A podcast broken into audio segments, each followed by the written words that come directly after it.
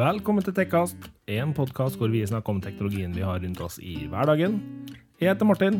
Martin er nerden som har lært meg om kabler og hull og sånt. Det der var Thea. Hun som alltid spør meg om teknologi. Så fikk vi inn på tanken på å lage denne podkasten her. Med så fin som hun sier det, én nerd og ei nubbete jente. Velkommen. Heia,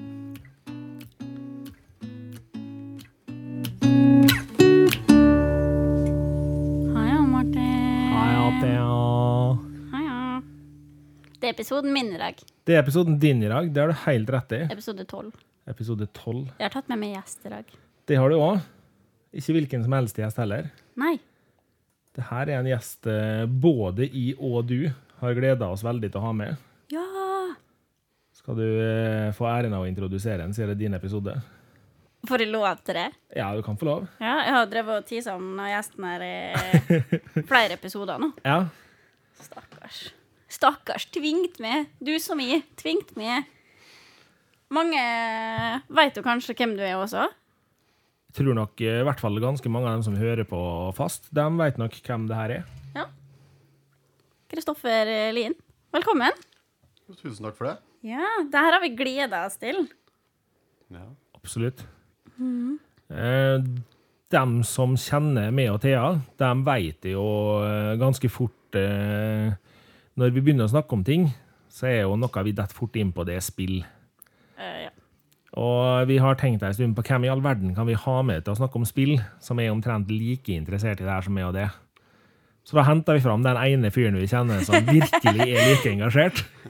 Om ikke hakket mer. Ja. Ja. Så, men eh, Kristoffer, vi kjenner deg godt. Kanskje ikke alle som hører på, gjør det. Kan ikke du fortelle litt om deg sjøl? ja. Det kan jeg gjøre. Først må jeg bare si at det var nesten så jeg måtte avlyse at de kom. For Martin hogga så gale på Microsoft i natt at jeg vurderte om det her var noe Ja, jeg, jeg frykta at du ikke ville være med meg etter kommentarene som kom. eh. Nei, Jeg og Martin har ofte hatt diskusjoner om Microsoft og Sony, og det har alltid vært eh, alltid artig. Ja, det- Så, men så kom vi på at dere har snakka så mye og varmt om det i siste at jeg kunne ikke skuffe verken Thea eller lytterne. Så Takk. måtte jeg stille, måtte jeg stille opp. ja. Eh, Jeg heter da Kristoffer. Eh, Jeg er 29 år gammel. Jeg er opprinnelig fra Eide, da, på litt eh, nord for Molde. Ah. Eh, Men jeg har nå bodd i Molde siden 2006, og eh, jobber i dag innen bunnpris. da. Og eh, jeg har da tidligere vært butikksjef i spillbutikken som var her i Molde. Som eh, sikkert er en av grunnene til at eh, jeg ble invitert til denne podkasten. Kanskje litt medvirkning der, ja. Jeg tror kanskje det er ganske mye av grunnen, ja. ja. Ja. Det var jo gjennom den butikken jeg og du ble kjent, Det stemmer. og vi har hatt eh, en hel del diskusjoner om spill. Det har vi. det har vi. Så, og ikke bare om Microsoft og Sony heller. Vi har hatt Nei. mye rare samtaler om spill, altså. Det har vi. Så, Eh, eh, nei, altså som sikkert alle forstår, spill er da altså dagens eh, bitte lille tema. Bitte lille. Ja, Vi kunne ha snakka om spill. Vi kunne hatt en egen podkast om spill. ja nesten det. Nesten. Eh, derfor så har jo jeg, eh, jeg er blitt flink på å gi navn til episodene. Så det her heter jo da eh, rett og slett spillindustriens framtid? Nei. Spørsmålstegn? Jo.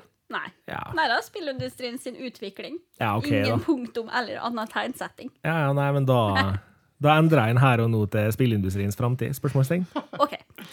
Offisielt endra tittel. Ja. Ja. Og eh, jeg og Thea har jo snakka veldig mye om spill eh, gjennom Tekkast. ja, og på privaten også. Ja. Det går en del eh, Det det. tid å prate om spill. Absolutt. Og jeg og Thea har diskutert eh, i hvert fall det med digitalisering av spill en hel del. Ja, det har vi vært inne på podden før Ja. også. Og jeg og Thea er jo veldig spent på hva digitaliseringa gjør med prisen på spill. Og de syns jo det er litt spesielt at å gå i PlayStation Store og kjøpe et spill, så er spillet akkurat like dyrt, eller dyrere, enn det på Elkjøp. Det blir litt merkelig for oss. Og så har vi jo den litt mindre populære versjonen av betaling som heter mikrotransaksjoner. Som eh, vi også er litt spent på om vi kanskje kan se slutten på. Det måtte jeg google i går kveld. Da hadde jeg sittet en hel uke med podkast eh, eh, manusskrivinger, og så bare Jeg veit fortsatt ikke helt 100% hva det ordet her betyr. Ja, Men siden du sier det, så kan vi faktisk gjøre det så enkelt som at for dem som hører på, hvis dere ikke er 100% sikre på hva mikrotransaksjoner er, så er det altså hvis du i et spill kan f.eks. kjøpe det våpen eller biler eller hva nå enn med ekte penger. Ja. For eksempel For det var det jeg trodde, da. Ja, Ja, bare for å ha sagt det. bare for å ta et supergodt eksempel, da, som sikkert veldig mange foreldre har hørt mye om i seinere tid, så er det fullt mulig å kjøpe GTA-penger for ekte penger. Ja. Via noe som heter Shark Cards, som er svindyrt, og som er helt på trynet. Så har da veldig mange unger med foreldre som har latt dem få lov å handle, kjøpt seg mye spennende. Og det er jo en del av de tingene vi stusser på. Men eh, Kristoffer, det er kanskje å håpe på litt mye at mikrotransaksjoner skal forsvinne? Uh, ja, jeg, tror dessverre det. Jeg tror, det, jeg tror mikrotransaksjoner er kommet for å bli. Uh, I hvert fall for nå. Ja. uh, og overskuelig. Men spill har blitt en så stor business. Uh, eh, og det har vært en eksplosjon innenfor uh, spillbransjen de siste 30 åra, kanskje. Eh, både i form av da omsetning, tilgjengelighet og spillbarhet. Eh, da, da tenker jeg da på grafikk, historieformidling, gameplay Ja. etc. Ja, sant. Og alt på en måte handler mer om penger i dagens samfunn, også innenfor spillindustrien. Helt klart. Og når da spillindustrien finner opp noe nytt i hermetegn, som folk biter på, at folk bruker det, folk kjøper det for å komme seg frem i spillet, så hvorfor skulle de slutte med det? De tjener så sinnssykt med penger på det. Ja, ja. Ville dere ha gjort det? Nei, sant, altså, Nei, du, har det. jo, du har jo et kjempepoeng. Altså. Folk slutter jo ikke å spille, og folk vil jo gjerne ha oppgraderinger og tenker ikke over at ja, men 49 kroner Meh. Men så skal de ha fire oppgraderinger eller fem på én game, og så baller det jo på seg. Jeg skjønner godt at de ikke slutter å melke den kua. Så lenge Ja. den fortsetter å gi penger, liksom. Eller så skal de ha 8 millioner i GTA, så betaler de 600 kroner for det. Ja. Det er. Herregud. Og 8 millioner i GTA er ikke penger. det er borte på ti minutter. Ja, ikke sant. Ja. Nei, eh, det er jo eh, som du sier, det at eh, det er, det er så lite beløp om gangen. Og, og, eh, og det er liksom en sånn litt sånn generelt i dagens samfunn vi tenker. Hvis du går på butikken og kjøper en liten sjokolade, liksom, bare ti kroner. Men gjør, du det, gjør du det hver dag, så blir det så mye penger til slutt. Det blir det. Og sånn er det. altså. Jeg tror det de har klart å funne ut eh, spillbransjen nå. Ja. Ja, de, de er jo lur når de driver med det. Eh, ja.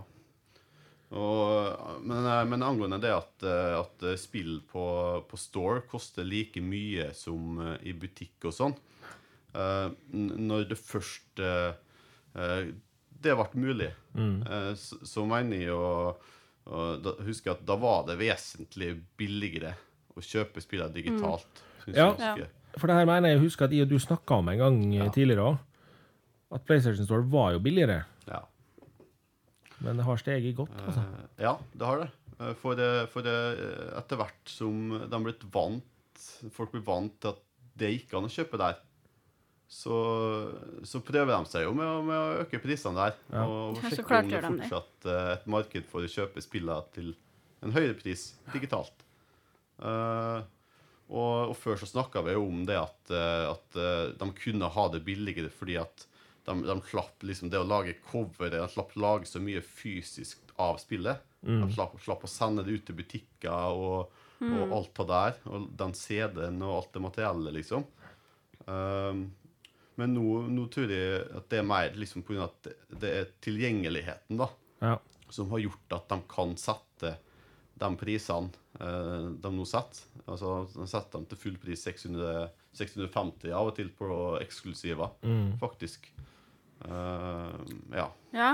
Eh, Så tenker jeg nå at vi betaler jo for den økende kvaliteten, da. Eh, For den blir jo bare bedre og bedre. Og så hadde jeg jo kommentert her i manus, da vi diskuterte litt atter bugs og glitcher og sånn ble ødelagt. Men det hadde jo du sagt, Kristoffer, at det blir de jo uansett. Det var jeg faktisk, det har jeg aldri tenkt over, at de ble jo fiksa på CD-en, dem òg. Det kobler seg. Ja. Ja, for det starta de jo faktisk helt tilbake igjen til helt i starten på PlayStation 3-tida. At de patcha opp spill sjøl om du hadde installert dem fra CD, eller om du spilte dem fra CD òg. Så la de inn en patchfil i PlayStation-minnet som gjorde at når du satte i disken, så ble de patcha. For da har jeg bare aldri tenkt over det. For Ja. jeg, har, jeg har tenkt nå at å, men det er jo så lettvint når det er digitalt, for da får jeg alle oppdateringene med en gang, og alt er liksom fresh og nytt, og det, det er ikke noe problem. da. Nei, altså Så det har jo gjort at jeg velger å kjøpe digitalt når Ja. jeg kjøper spill. Ja. Nei, men eh, det har aldri vært noe forskjell fra støtten til utviklerne på om du kjøper det i butikk eller digitalt.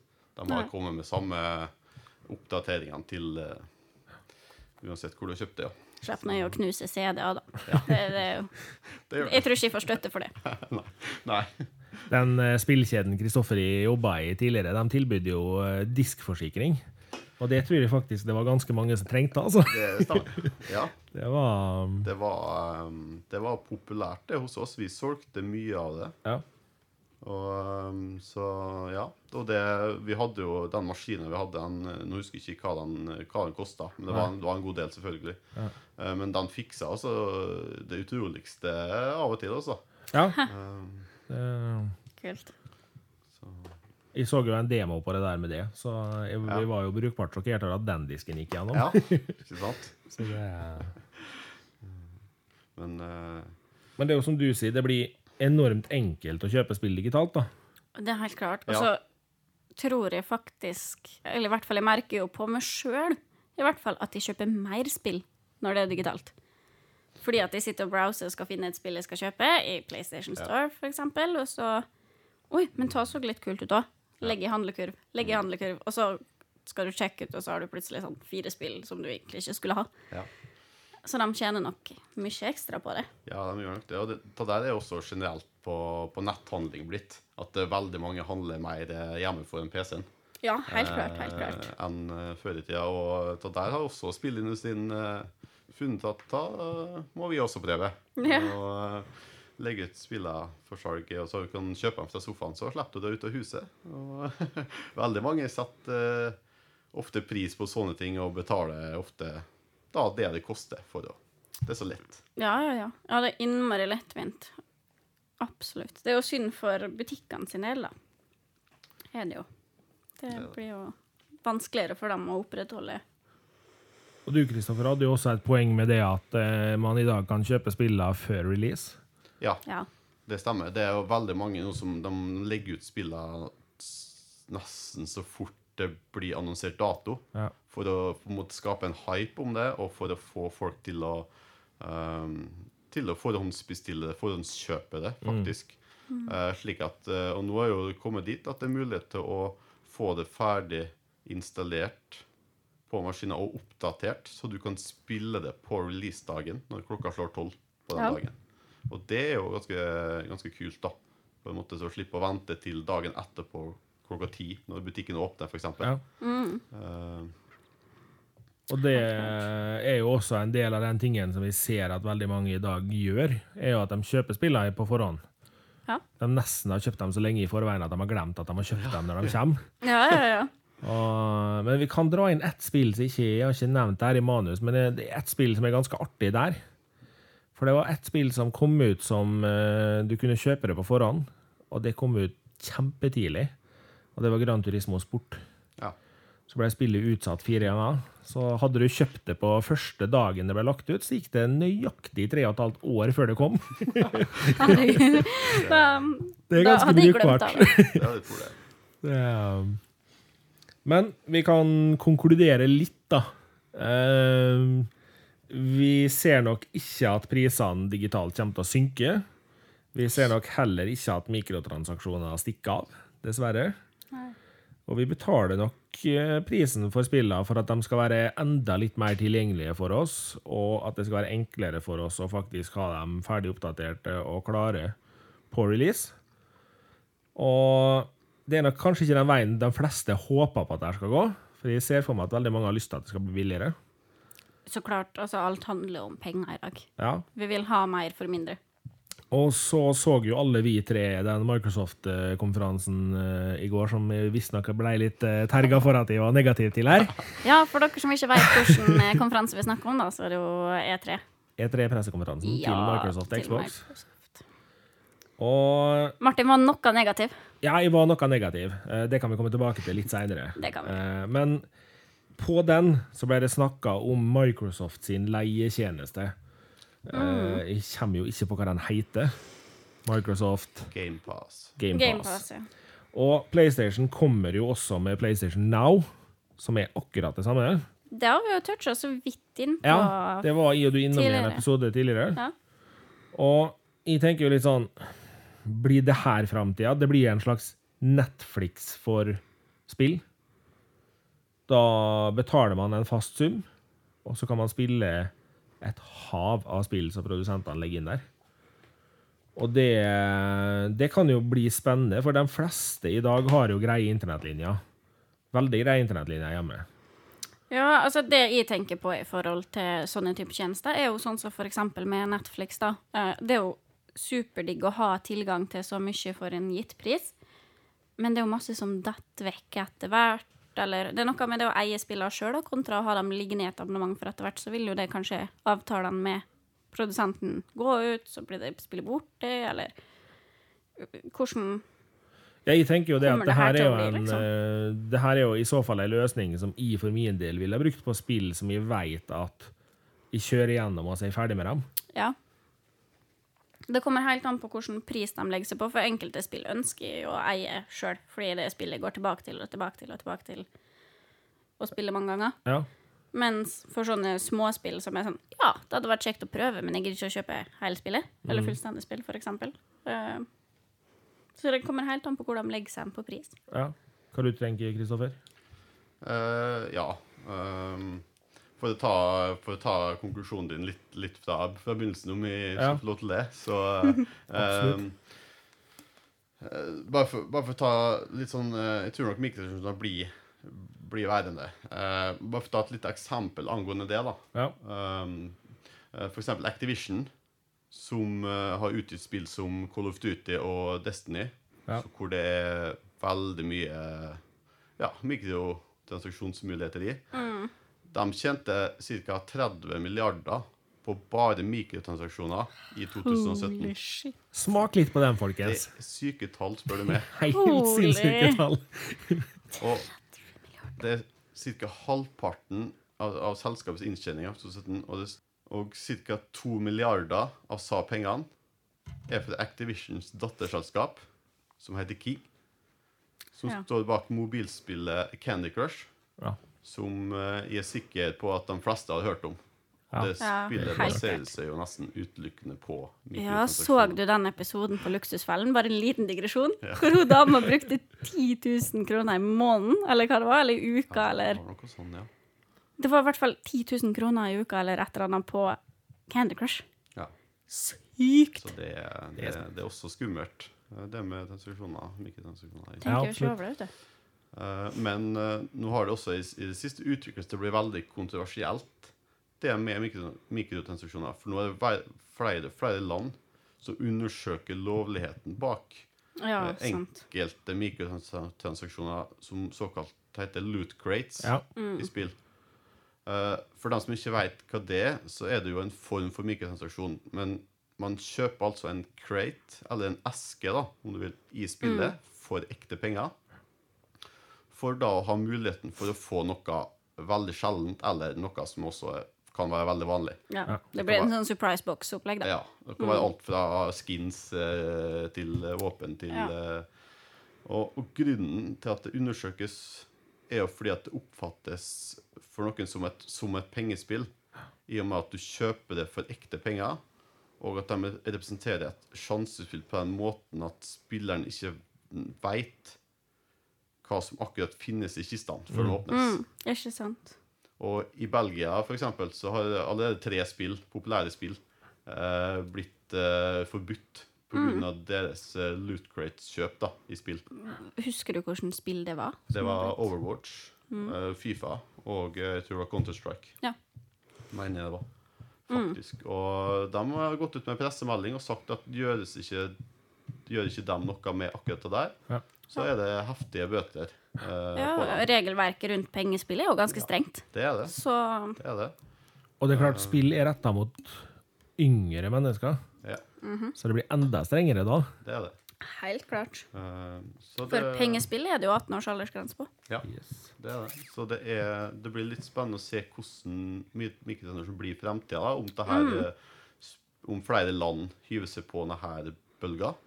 Ja. Eh, og men jeg tror jo da, som med, med, med, mye i samfunnet, at de finner omveier Ja. rundt regler for å fortsatt tjene seg pengene lovlig. Ja, Eh, sant. Kan nok godt hende, ja. Uh, ja. Men, men eh, tilbake til det siste spørsmålet ditt, da, om, om jeg tror det, det med digitale spill er framtida, og det med, det med noe à la Netflix og sånn, Ja. uh, så må jeg si uh, Det må jeg absolutt si ja på. Eh, Det er altså at man, det at man betaler en, en, en, liten, en liten sum i måneden, Ja. som vi igjen var inne på som Det føles ikke veldig mye med 80 kroner i måneden, f.eks.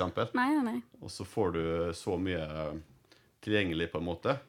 Og, og spesielt eh, Microsoft nå, da. Sitt GamePass, som eh, annonserte var i fjor høst, de annonserte da, at de kom til å begynne med at eksklusive spill, Ja. altså Microsoft eksklusive, de kom til å, å være tilgjengelige på Microsoft GamePass fra dag én. Ja. Ja. Og det var altså da 599 kroners spill, eller 649 kroners spill, da. Ja. Eh, så du kan liksom da betale 80 kroner og få spilt det spillet i en Ja. prøveperiode, f.eks. på en måned. da. Eh, Ja. Som også hadde vært gratis da, den første måneden du prøver det. Ja. ja, ja, ikke sant. Uh, De legger seg så langt ned som på 80 kroner, eller? Altså ja, per, jeg tror det var ca. det jeg betalte for én måned når jeg skulle prøve det. Men så Ja. har du jo sånn du kan kjøpe for lengre perioder. For jeg lurer på om jeg leste noe om det der, for prisinga var jo litt sånn der Folk hadde reagert litt på prisinga i verden, for det var så store sprang på prisen. Ja, riktig. Mm. Og det jeg lurer på om Microsoft rett og slett gjorde, var at de tok en dollarpris, og så bare dreit de i hva det ble oh, ja. Så det var litt sånn herre Ja. Det her er prisen vår. Yes. Ja. Latskap, rett og slett. Ja. Ja. Ingen som hadde lyst til å bruke valutakalkulator der. Nei. Men 80 kroner er jo en liten sum Veldig innafor det. for Ja, ja det er jo det, det virker jo veldig innafor det, i hvert fall med tanke på det utvalget som begynner å bli. Ja, ikke sant? Og i hvert fall når de gjør det mulig å ja, kunne spille helt nye spill, liksom. Mm. Ja, og er man interessert nok i spill, så er jo de 80 kronene i måneden ingenting, Mm. egentlig. Ikke sant? Men, eh, men eh, det som er mm, veldig skummelt med det Microsoft eh, gjør eh, akkurat der, syns jeg, da, eh, er jo det at det der går jo hardt utover over spillbutikker spillbutikker Ja. spesielt. Eller butikker som selger spill, Ja. blant annet. Eh, så, så det for eksempel GameStop Ja. Uh, tror det var i Amerika. Uh, gjorde da, når, eller hvor det nå, Jeg husker ikke helt hvor det var, men det var GameStop i hvert fall. At de gikk til et slags motangrep da, og gikk ut og sa at OK, hvis dere begynner med det, så nekter vi å selge Xbox eh, One over disk. Ja. For da er det da dere prøver å skvise oss ut, og da boikotter vi dere. Det er jo sant, sant. Men det, Ganske naturlig måte å reagere på. helt klart. Men det er jo forståelig Det er det. at de kjører på med det. For så lenge det er penger å hente, så kommer de til å gjøre det. Og det, det er jo penger å hente når vi kan sitte Ja. foran skjermen hjemme og få så mye servert i fanget. Da, Altså, da forsvinner det ikke. Og, og Microsoft må jo, eh, te, ten, må jo tenke på seg sjøl. De kan ikke tenke på at de skal lage spill for at butikker skal overleve. De, Nei. altså det, det er jo ingen som tenker på en måte sånn. Nei, for det driter jo egentlig dem i, for de får solgt uansett. Ja, i hvert fall lite kommer nå. Ja, ja. Tidligere så var det viktig med å ha butikker mange plasser for å få ut uh, spillene her og der. Men nå, nå som tida har blitt nå, så er liksom det, det er nesten så jeg ikke, jeg tror ikke det går mer salg digitalt, nesten, enn uh... Ja, så klart. Altså, det, det er jo ikke mye rene spillbutikker igjen uh, rundt om. Det er jo ikke det. Det er jo det, er jo ikke det. Uh... nærmeste her. Er det Ålesund ennå, eller har de lagt ned Nei, det er Ålesund, ja. Og Ja. Moa der. Ja. Eh, Jeg er jo fortsatt der at jeg, jeg vil ha fysiske spill. Og jeg, jeg kan finne på å, å betale litt mer for å få det fysisk i cover. Ja, ja, ja. eh, Og ha det i, uh, i stua, liksom. ja. Uh, Men så spørs det hvor stor gruppe mennesker som tenker sammen som er på det, da. Ja. ja. Jeg tror ikke det er så veldig mange lenger, for det er alle, stort sett alle jeg snakker med som har kjøpt det og det spillet, har kjøpt det digitalt. Ja. Har det Ja, installert. ja, ja. Og Ja, så har det- du jo sånne gærninger som meg og det, da, som gjerne kan kjøpe spillet i special edition, for så å kjøpe det digitalt og spille den digitale, og ha special edition stående på hylla. Det er korrekt. Du, det sitter en sånn hjemme hos meg også. Ja. Hvor jeg, hvor, eh, det er ikke noe hemmelighet at de syns det er veldig greit å ha ekstra skapplass, og at de spillene tar veldig stor plass. Men samtidig så er det jo litt koselig, da. Sånn så i et spill jeg har, så får du med verdenskartet og sånn inni. Og det er litt sånn sjarm i det òg, da. Det det. Til enkelte spill. det er Så- Enkelte altså, Collectors Edition da, som, som lages, Ja. spesielt med figurer, er jo rett og slett nydelige. Det er nesten eh, mange som, mange som kommer, kommer hjem til meg og syns det er kunst, liksom. Ja, Det er ja. så flott laga. De er det. Ja. Det, er- det, så det eh, Og det jeg tror mange som ikke er Altså hvis det er folk som er eldre enn oss, så tenker nok de kanskje at nei, det er tull, fordi spill er ikke kunst. Men i dag så er jo spill blitt en like stor kunstform som film var for noen år tilbake. Ja, ja, ja. Om ikke større. Altså, en lite avbrekk. La oss snakke om teaseren til Division 2. Ja, som kom i går. Den, altså det har blitt så estetisk vakkert, det. Nå når de har fått inn mer farger. Ja. eh, mer eh, Altså, mer farger. Det er et bedre design, rett og ja, for ikke å snakke om at nå ser det faktisk enda mer naturtro ut. Veldig naturtro, og Og- lysere, Ja. eh, ikke minst. Så du blir ikke like sliten av å spille det når det er litt lysere. Det var en ting vi sleit litt med i Division 1. eh, For vi har jo spilt en del timer i lag med Ja. på Division 1. Det har blitt noen timer. Og når du har spilt noen timer, og du ikke tenker over at spillet er bekmørkt 90% av tida, og så begynner du å se det rundt, så er det kanskje litt lummert og mørkt i rommet òg, og så aner du ikke hva klokka er engang, fordi du, du, alt er mørkt, da. Ja, ja. Og da veit du ikke helt hvor du har ting. Og så blir du det- innmari trøtt, så du Ja. får ikke til å spille så lenge. Nei, men det er bare hvor vakkert da man får det til, da. og Hvor, hvor, hvor mye oppmerksomhet til detaljer det begynner å bli nå. Så ja, det er jo helt klart kunst. Fordi mye ser jo så fantastisk ekte ut nå. Og så kan jeg Det, det er sjelden jeg name-dropper folk i eh, sånn direkte i podkasten. Men jeg kan jo umiddelbart si det at eh, nei, Erna Solberg, du skal ikke forby Division 2 bare fordi nå ser det fint ut. For det så du hvordan det gikk når du prøvde å forby GTA. Aldri har GTA solgt bedre. Så eh, bare et lite tips. Bare en sånn liten, et lite innspill til statsministeren. Ja, det blei det. Hun var ikke det den gangen, da. Nei, men uh, Nei, uh, det var jo en liten digresjon, men ja, altså, spill er kunst. Ja, det er blitt det, altså. Vi har jo snakka om et spill, Thea, som jeg veit at uh, du blir uh, salig i blikket når de nevner, og det er jo Hellblade. Blade. Blade. Ja. Senua's Sacrifice. Ah. De som ikke mener spill er kunst, sett dere ned og spill eh, Hellblade Senua's Med headset. Med Yes. Med headset. Det er Hvis du etter å ha spilt det i ti timer påstår at det ikke er kunst, da vil jeg jeg får, jeg får litt frysninger. Jeg kjenner jeg blir litt eh, Jeg blir glad inni meg, rett og slett, for det er vakkert, altså. ja. Det. Det, jeg kanskje, det, det begynte jeg å tenke på her en dag nå, når jeg satt og så Nå ble det veldig digresjon her, det òg, men eh, jeg begynte å tenke på det her en dag, at jeg kunne tenkt meg å snakke med et menneske som har hatt såpass kraftige psykoser som det hun har i spillet, da. Og Ja. hørt om dem syns spillet er bra. eller om de syns det er helt jævlig. Eller om de bare kolver og ikke vil ha meg med det å gjøre.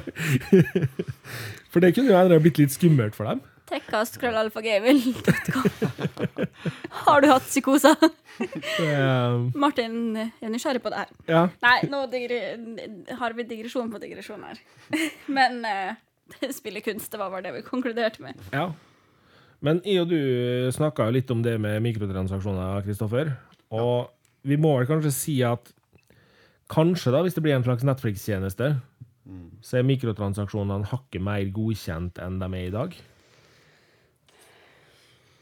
Eh, ja, det kan det være, ja. I og med at, i og med at du ikke betaler den fulle prisen. Ja, du tenker sånn Ja. Går du i butikken og kjøper et spill til 600 kroner, ja. da føler du at du har kjøpt deg et spill som burde være ferdig, i hermetegn. Altså, det burde være det du skal kjøpe. ja. Betaler du 80 kroner for å få lov å spille så mange spill du vil over en periode, så er det kanskje litt mer innafor. ja. Jeg sier ikke at de liker mikrotransaksjoner, Nei. men jeg sier at der kunne de svelget det litt mer. Jeg, jeg har så blanda følelser med det med mikrotransaksjoner, fordi at jeg føler at hvis de kjøper et spill, så vil jeg at det skal være fullstendig. Mm. Eh, og jeg er så klart da villig til å betale penger for at det skal være fullstendig. Eh, for det er meganedtur hvis du ikke får hele spilleopplevelsen fordi at du må kjøpe ekstra våpen for å være god nok. Du må kjøpe ekstra armor for å overleve hambossen, eller altså hva det nå skulle være, liksom. Ja, Det er så nedtur. det er det. Og det er jo et helt enormt pengesug, da. For at du vil jo, hvis du først har begynt å spille og kjøpt et spill, så vil du jo være ferdig. Ja. Du vil jo spille det ferdig. Uh, så så lenge det er en ekstra bonus hvor det ikke har innvirkning på spillopplevelsen, så er jo greit ish med mikrotransaksjoner. Men hvis du må kjøpe småting for å få full effekt av spillet, så syns jeg faktisk ikke det er greit, det. Nei. Men, eh, men eh, ja, ta, ta for eksempel eh, Hvis du tar Grand Theft Auto, da. Eller GTA, da, som folk kjenner det som. Eh, det at grind-spill ut av en annen verden, spør du meg. Ja. Det er jo, alt handler jo om å skaffe penger og, for å kjøpe de dyreste og kuleste tinga. Ja, ja. Hva om du har noen som, som egentlig digger det spillet og egentlig vil spille det, men de har ikke tida eller overskuddet eller hva som helst til å tjene seg opp så millionene i spillet, da. ja. Uh, er det da greit at uh, den personen betaler litt ekte penger for å få, få de hurtige in game-pengene til å kjøpe seg den bilen han vil kjøre rundt med? Ja, ja fordi at det, da er det jo ikke nødvendig. Han må Nei. ikke. Nei. Det, det er den der at OK, du kommer deg ikke videre Mm. hvis du ikke Ja. bruker de pengene her. Der kan du jo ta inn et spill eh, Men det er sånn gråsone, da. Ja. Det er det. Ja. Du kan jo også ta inn et spill som jeg personlig har spilt litt, grann, og det heter Lego Dimensions.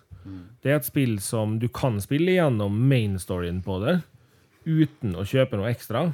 Ja. Men uh, du blir veldig begrensa, for det er utrolig mye du trenger å kjøpe ekstra figurer, ekstra biler, ekstra brettbaner og sånne ting for å få gjort.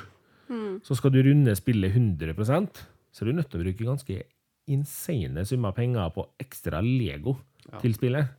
Det, Det høres litt psyko ut, men uh, det er veldig gøy òg. Så jeg, jeg har veldig blanda følelser altså, på det her. Fordi at Altså, det kommer helt an Eller nei, jeg veit ikke helt hvordan jeg skal legge meg nå. For det kommer litt an på hva startprisen på spillet er. Ja. Er det 600-700 kroner, så forventer jeg komplett spill.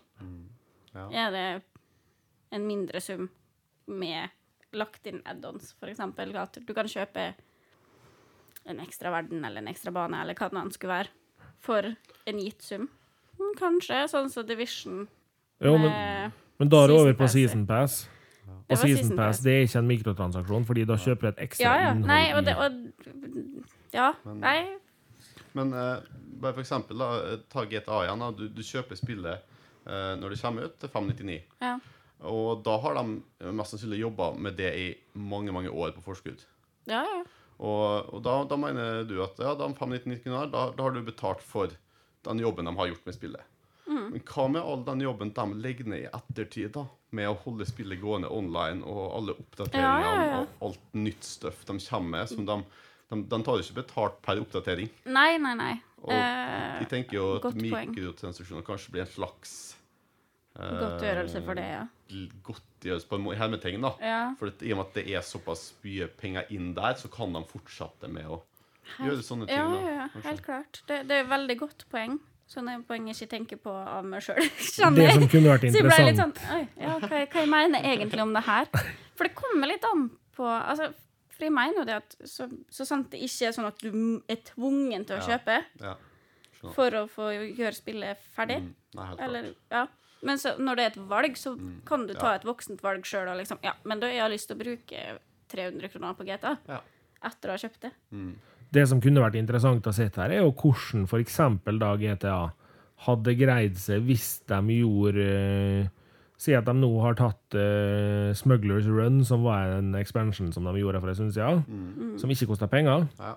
Men da kom det x antall biler du kunne kjøpe. Det kom fly, motorsykler, sånne ting som du kunne kjøpe til. Ja. Det kunne vært interessant å se hvis de satt en sum på hele Smugglers Run-pakka Ja. versus det å kjøpe én og én ting. Mm. For jeg tror faktisk at veldig mange kunne ha satt mer pris på å kjøpe en expansion der du fikk ti nye biler, et, ei ny bedrift og sånn, da. Og så istedenfor å liksom Ja, nå må jeg ha Nå må jeg kjøpe dette. Og så kanskje Men klart, i, akkurat GTA er et litt vanskelig spill der, da. Fordi bilene dine har en verdi, og du kan selge dem igjen i ettertid. Og klart, Kjøper du ti biler i ei pakke, så blir det hardt å prise dem. ja. Men jeg vet ikke. altså, Jeg, tror- jeg tror meningene rundt det her er veldig mange og veldig individuelt da, i forhold til hvilken situasjon Ja. man sitter i. Eh, så, vet interessant jo- tema, da. Vi vet at veldig mange anser også Season Pass som en mikrotransaksjon. Men det er altså Season Pass, da kjøper du ei ferdig bygd pakke med et nytt, til, nytt innhold i spillet. Mm. Så det Ja, ja. I personlig så anser Season Pass som en fornuftig greie. Ja, for det, det valgte jo å kjøpe. Ja. Men å kjøpe småting i spill, det velger jo å ikke gjøre. Ja. Det som er litt vittig, er at vi sitter jo faktisk og diskuterer Division, som faktisk har mikrotransaksjoner i den verste form. Ja. For du kan kjøpe loot crates i Division. I know. Og jeg skal dønn ærlig innrømme at jeg syns loot crates er, crates er noe piss. For å kjøpe ei eske du ikke aner hva som er nedi, for ekte penger, det er tull. Ja, det, det gjør jeg ikke.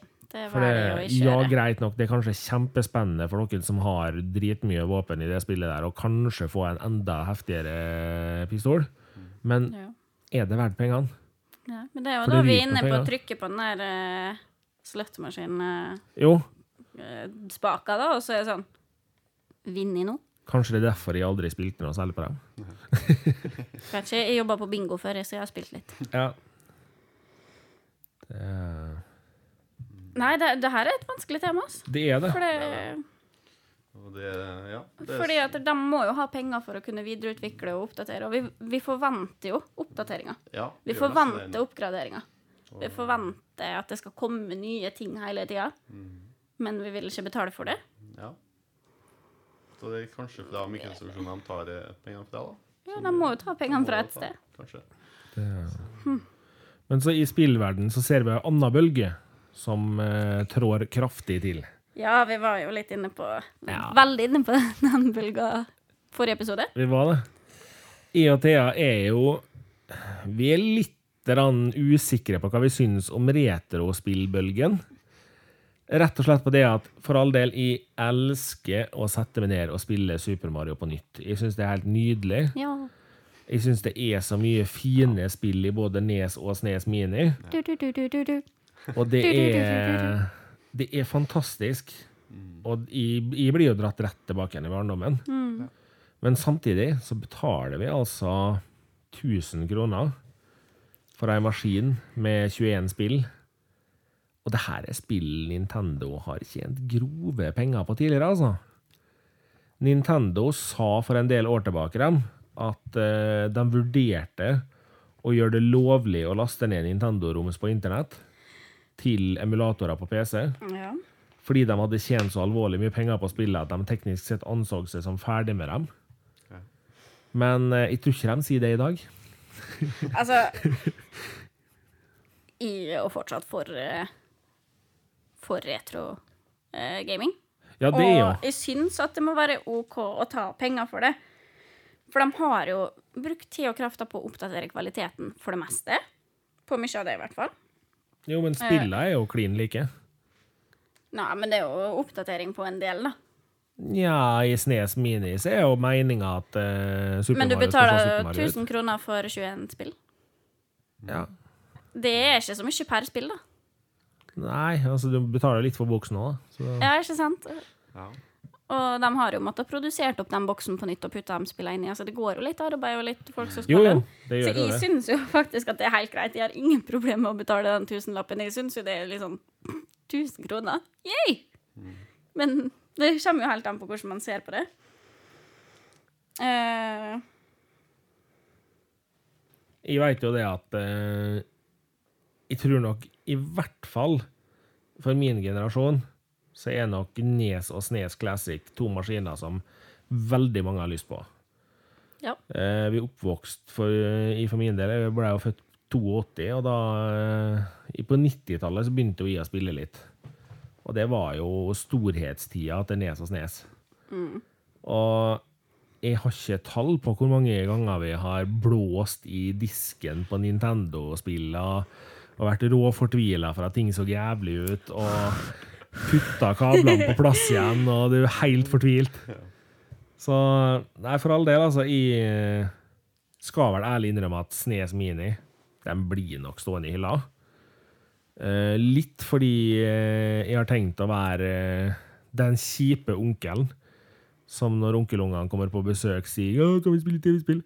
Ja, det kan vi. Det her er Super Mario. Sånn så TV-spillene ut når onkel var liten. ja. Nei, men jeg, jeg bare konkluderer med det. Jeg syns det er helt greit å ta pengene for det. For de Jo, det er jo greit. Det er Ja. jo det. Jeg, jeg, det er liksom, har, den tanken her er jo noe jeg har tatt med meg fra innspillet jeg har fått også. Ja, helt klart. helt klart. Men det er jo mange som tenker sånn. Ja, og jeg, kan jo forstå at folk reagerer litt. Fordi det er gamle spill. Men hvor mye betaler vi ikke for gamle biler, da? Det er en helt annen greie. Jeg gir ikke lappen, så jeg bryr meg ikke om så gamle bilene. Jeg kan bare kjøre bil på spillet. Tenk på det. det kan du. Hva du tenker Kristoffer? Uh, nei, nei, jeg personlig syns at det bare er bra uh, at det kommer sånn eh, At retro kommer litt tilbake, til gaming, da. Og spesielt kanskje for meg så er det mest uh, spillene da, som foreløpig har fått mest oppmerksomhet. Ja. Ikke så mye NES og SNES-konsollene ennå. Uh, kommer det en N64 Mini, så er jeg nok på uh, med en gang. Ja, den er jo ganske hardt rykta. Den er det. Den er, og det, det er noe i eh, jeg har, jeg har litt større minner med den da Ja. enn med SNES og NES. da Ja. Det er vel mye der det ligger, da. Men eh, ja, NES og SNES er også fantastiske maskiner. er Men siden du nevner nesten, så det- N64 Ja. Hvis det skal komme en N64 Mini Mm. Det er ett spill som er nødt til å være på den maskina. ja. Hvis de glemmer Golden Eye, ja da, da kan de bare drite i det. Hvis de kommer med liksom World is not enough i stedet for, liksom, Ja. da kan de bare Da kan de bare glemme Da det. være, liksom. Ja. Da kan hoppe over til GameCube. Ja. altså GameCube Mini med fysisk disk. Hvor liten blir den disken? og det blir sånn så små Før så fikk du kjøpt sånne små CD-spillere. Som Ja. var nøkkelhanker. Og veldig populært blant oss jenter når jeg gikk i andre klasse og sånn. Det ser jeg for meg. De var bitte små, hang på nøkkelen, og der var det CD-er som du putta inn, og da spilte de en tredjedel av et refreng av en sang. Så du fikk gjerne sånn Hit me baby one more time Og så måtte du ta den ut og sette den inn på nytt for å høre Hit me baby one more time Det der er jeg glad jeg gikk for meg forbi. Altså. Du var vel ikke jente på den tida? Nei, ikke, ikke nå heller, for så vidt. ikke nå heller. Men, eh, men altså, eh, på, på nyere konsoller så er jo veldig mye som på en måte er gjort bedre på en måte, føler jeg, sånn som kontroller. på en måte. Jeg syns mange er kanskje mer behagelige da, på en måte. Og det, og det å, tenke, eh, å sitte med den kontrolleren og likevel kunne nyte et, et, et skikkelig gammelt, klassisk spill Mm. eh, på en stor, flott TV, som vi ikke var i nærheten av eh, på 90-tallet. Vi kunne ikke spille noe på 50-tommer da, liksom. Nei. Eh, og det, det er jo en sånn, eh, noe jeg syns er litt kult, da. Å kunne få gjøre det i nåtidens eh, teknologi, da, på en Ja. måte. Eh, men, men jeg skjønner selvfølgelig at, at, at prisen på det her blir et diskusjonstema. For, eh, for liksom, hvorfor skal vi betale full pris for en remake? eh, Hvor, hvor eh, mesteparten av spillet er lagd for lenge siden, og som du sier, har tatt seg godt betalt for tidligere. Ja, for det, det kosta jo bra med penger når det var nytt. Ja, det gjør jo det. Og så gjør de kanskje mm, de minimum forandringene. da. De må for å få det til å funke på en PS4. Ja. Eh, men igjen, eh, for å ta et eksempel, da. Vi, vi betaler gjerne 600 kroner i året da, for et nytt eh, Fifa-spill hvert år. Ja. Som er veldig begrensa med, med forandringer fra Ja. år til år. Ja. Og eh, hadde nesten et hvilket som helst annet spill, eh, en oppfølger til et annet spill, hatt like lite, lite endringer som et Fifa-spill fra hvert år til, til samme pris, Ja. Så tror jeg det hadde blitt litt, eh, litt sånn hogging og sånn på eh, dem utgiverne eller utviklerne. da. ja. Ehm, så en kan jo se det litt sånn i perspektiv der, da. Det gjør vi gjerne. Men uh, å betale uh, ja, 400-500 for et eh, retrospill da, du ville ha spilt i ti år, ja. hvorfor er det ille, plutselig? Nei, det er sant, det, da.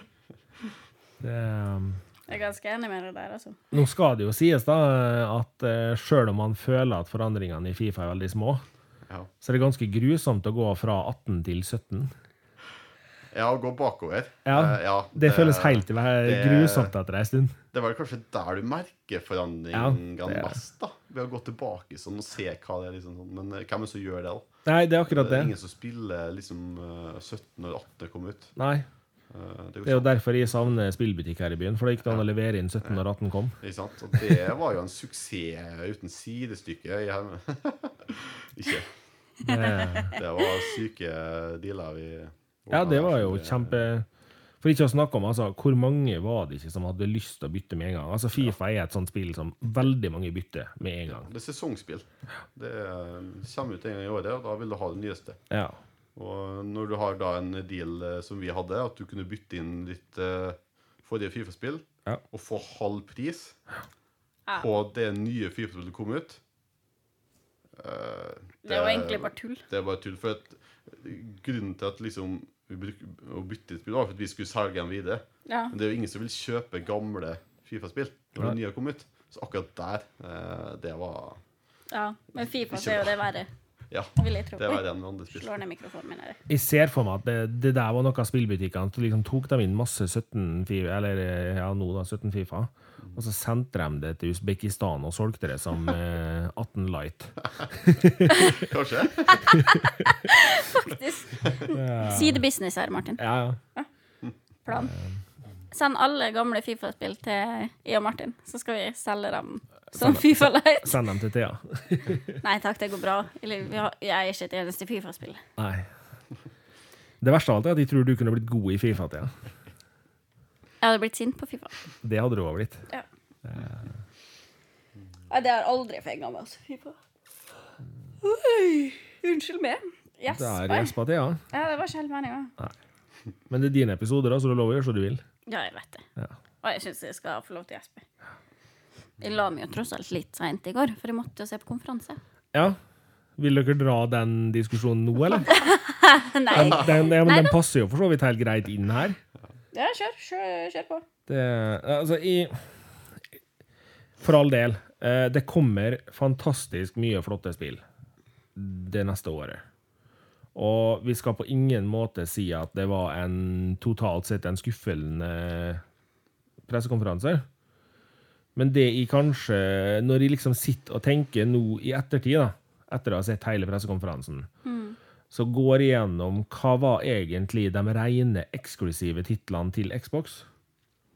De rene eksklusive titlene som virkelig var spillverdig, er jo f.eks. Gears of War, som aldri har vært på noe annet. Og det, det er klart, den beholder de jo. Og, men ellers så har de gjort det jeg føler Sony gjorde for et par år siden. De har kjøpt opp masse små indie-utviklere, Ja.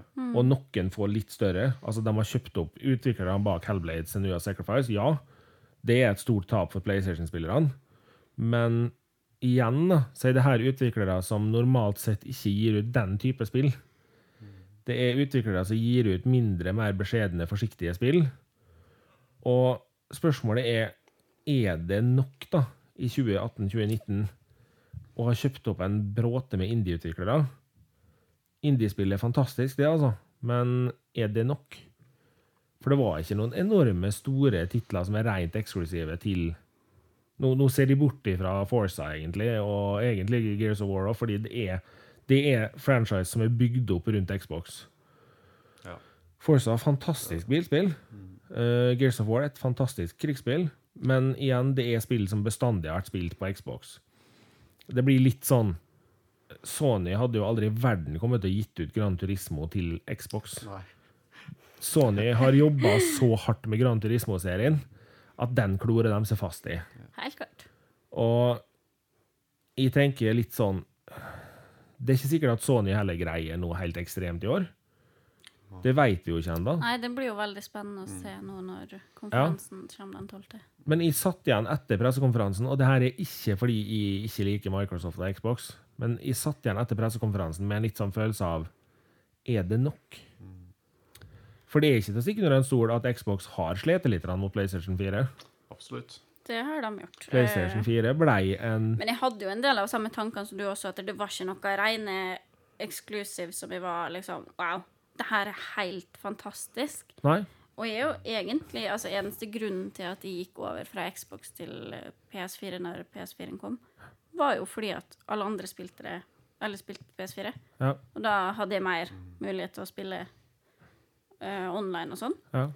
Uh, og jeg er jo egentlig mer glad i kontrollen til Xbox. Ja.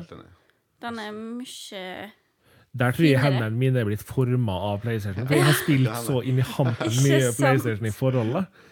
Så altså, jeg har, jo, jeg har jo en eh, Xbox 360 Mm. som en viss Kristoffer Lien klarte å få meg til å kjøpe når han sto på jobb. Uh, og det gjorde han jo rett og slett fordi han hadde Tomb Raider-kontroller til Xboxen. da. Ja. Så, men uh, jeg har jo spilt litt på den. Men det blir aldri en sånn maskin som jeg tenker nei, nå skal jeg spille, så jeg setter meg ned med Xboxen. For meg så ble Xboxen en sånn der Jeg har Xbox òg, i tilfelle. Men uh, jeg spilte jo Altså, det aller meste spiller jo på PlayStation. ja. Ja. Og Og jeg tror nok ikke at de kom med nok uh, nytt eksklusiv i år til at folk som ikke er spesielt interessert i spilling, tenker ja, Xbox det skal jeg kjøpe med, hvis de ikke har en spillmaskin, f.eks. Eller skal oppgradere. Ja. Og det er jo en sånn greie som vi føler du har hørt også på veldig mange elektrokjeder.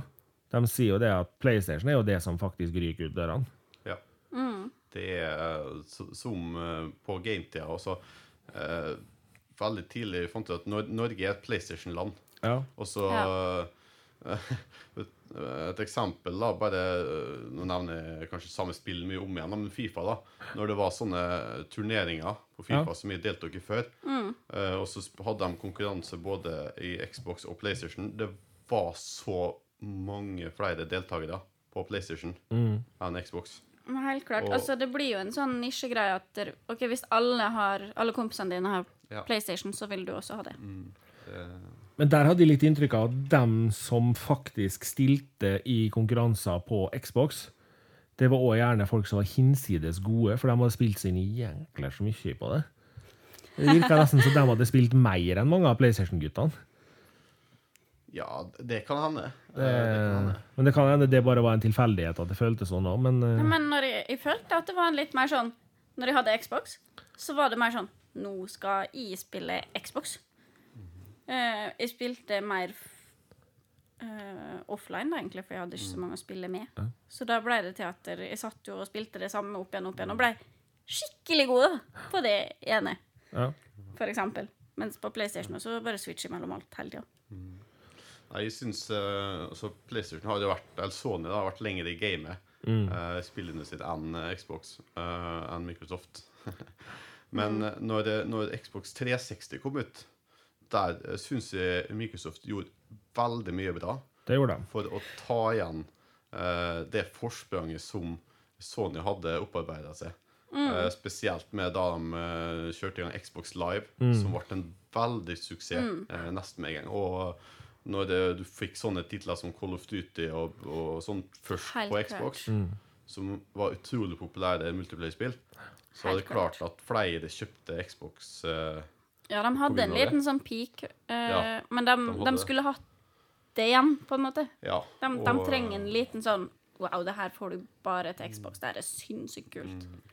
Men så, så følte jeg, når, når det på E3-messa for eh, mange år tilbake ble annonsert nye konsoller, så følte jeg at vi fikk se litt hvorfor, eh, Sony har vært i gamet lenge, Ja. og Microsoft ikke hadde det.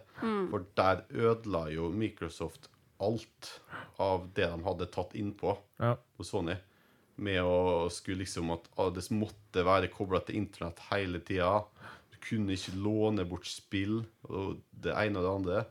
Og i og med at også Microsoft var først ute Ja. på den konferansen, så jeg skal ikke si at de gjorde det, men det kan jo tenkes at når de, når, når de fikk se reaksjonene på, på det Microsoft kom med der, om at det liksom skulle være fremtida, for, altså neste generasjons konsoller da, at Sony gjorde en helomvending og tok Nei, OK, vi kutter ut da. Vi fortsetter litt sånn som før. ja. Spiller safe. Da, da vinner vi mye. Det er klart, De ga jo bort en gratis mulighet for Sony. Hvis Sony var inne på samme tanken, så gjorde de det. Uh, og ikke nok med det at altså, Sony er jo dyktige på å spille litt puss på sånne ting òg. Yes. Så det er klart at når eh, Xbox da har lagt fram en med greie med at du får ikke låne bort spillene dine, så måtte jo Sony slenge ut en liten video på det at eh, Ja, har du lyst til å låne bort eh, Sony-spillet ditt, ja? Ja, her, her har du disken, vær så god, da har du fått låne det. Det er bare å spille, altså.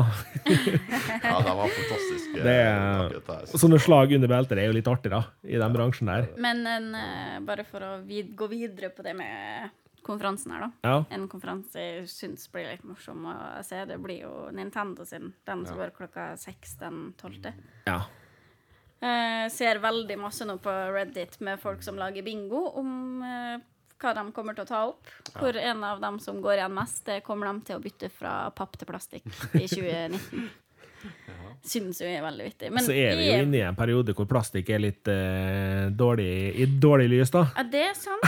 Så kanskje de går over til sånn bioplast eller noe. Kanskje bioplast, ja. Kanskje bioplast. Nei, jeg gleder meg litt til å se, for de hadde jo De fikk jo en sinnssyk opptur med Switchen, da. Ja. Og se om de greier å holde på den, den oppturen sin eh, i 2019. Det er jeg interessert i. Men jeg er litt nysgjerrig, Kristoffer. Jeg I og Thea vi hadde en sånn liten eh, prat på forrige episode om det der med at Sony og Xbox, eller Microsoft, PlayStation og Xbox, de er liksom, det er de to store brødrene som har kontroll på ting. Og så kommer Nintendo, som han litt lettere drita lillebroren, som bare Ja, vi bruker pappsverd, da. Det her går bra. Og, altså, jeg syns jo det her er en ganske grei måte å beskrive det på, for Nintendo føles som den litt gærne lillebroren som ikke helt henger med i timen. Ja. Men de greier jo å leve på at de har en Ja. utrolig fanskare. Ja. Absolutt. Og så er det jo spørs da på den etterpåklatten som kommer nå, med VSS-en, Ja, som vi snakka om i forrige episode. men jeg tror nok kanskje Atari Atari altså Atari tror jeg nok ikke vil dra enorme, store, nye Nei. fans. Det er en veldig, veldig, veldig lillebror. Men Ja. jeg er også veldig spent på å se om det går bra med dem, da. Tenk om de kommer med papir. Istedenfor papp. Ja, papirfly. Det Kanskje de har sånn at du kan koble til i hagen og i trærne og sånn. Men hva tenker dere to som er begge nå dere, Begge dere kan mer om Nintendo enn meg uh, akkurat nå, i de nyeste maskinene. Uh, jeg tenker litt sånn Nintendo har tidligere, på Nintendo Wii, så hadde Nintendo en enorm mulighet til å legge inn eh, Snes og Nes-emulatorer. De valgte å vente med å gjøre det. Dermed så var det tredjepartsutviklere som la det ut isteden. Ja. Og slo an som bare det med det. Jeg, jeg, jeg tror jeg vet om flere hacka Nintendo Wii enn jeg vet om vanlige standard Wii. Ja. Og det er litt synd, fordi der var det penger som kunne gått inn i ei videreutvikling av et fantastisk merkevare. ja. Det er absolutt eh, kjempesynd, men jeg tror Det her vet jeg ikke for sikkert, jeg har ingenting å ankre det her i, men jeg føler jo det at de prøvde seg på det de oppnådde med Switchen. da. At de ville at det her skulle være en helt ny greie, uten Ja. å blande inn det som fanskaren allerede er Men glad i. Men tror du at de på et eller annet tidspunkt kommer til å legge en Snes og Nes-emulator i Switchen?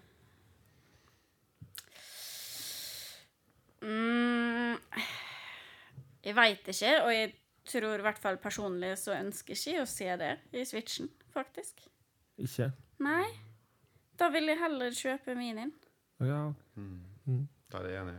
Uh, faktisk. Jeg tenker litt sånn, altså jeg har uh, Gameboy Kontrollene til Switchen er absolutt ikke lagt opp for den type spilling. Nei, altså nå har jo jeg Gameboy um, 3DS XL, het den.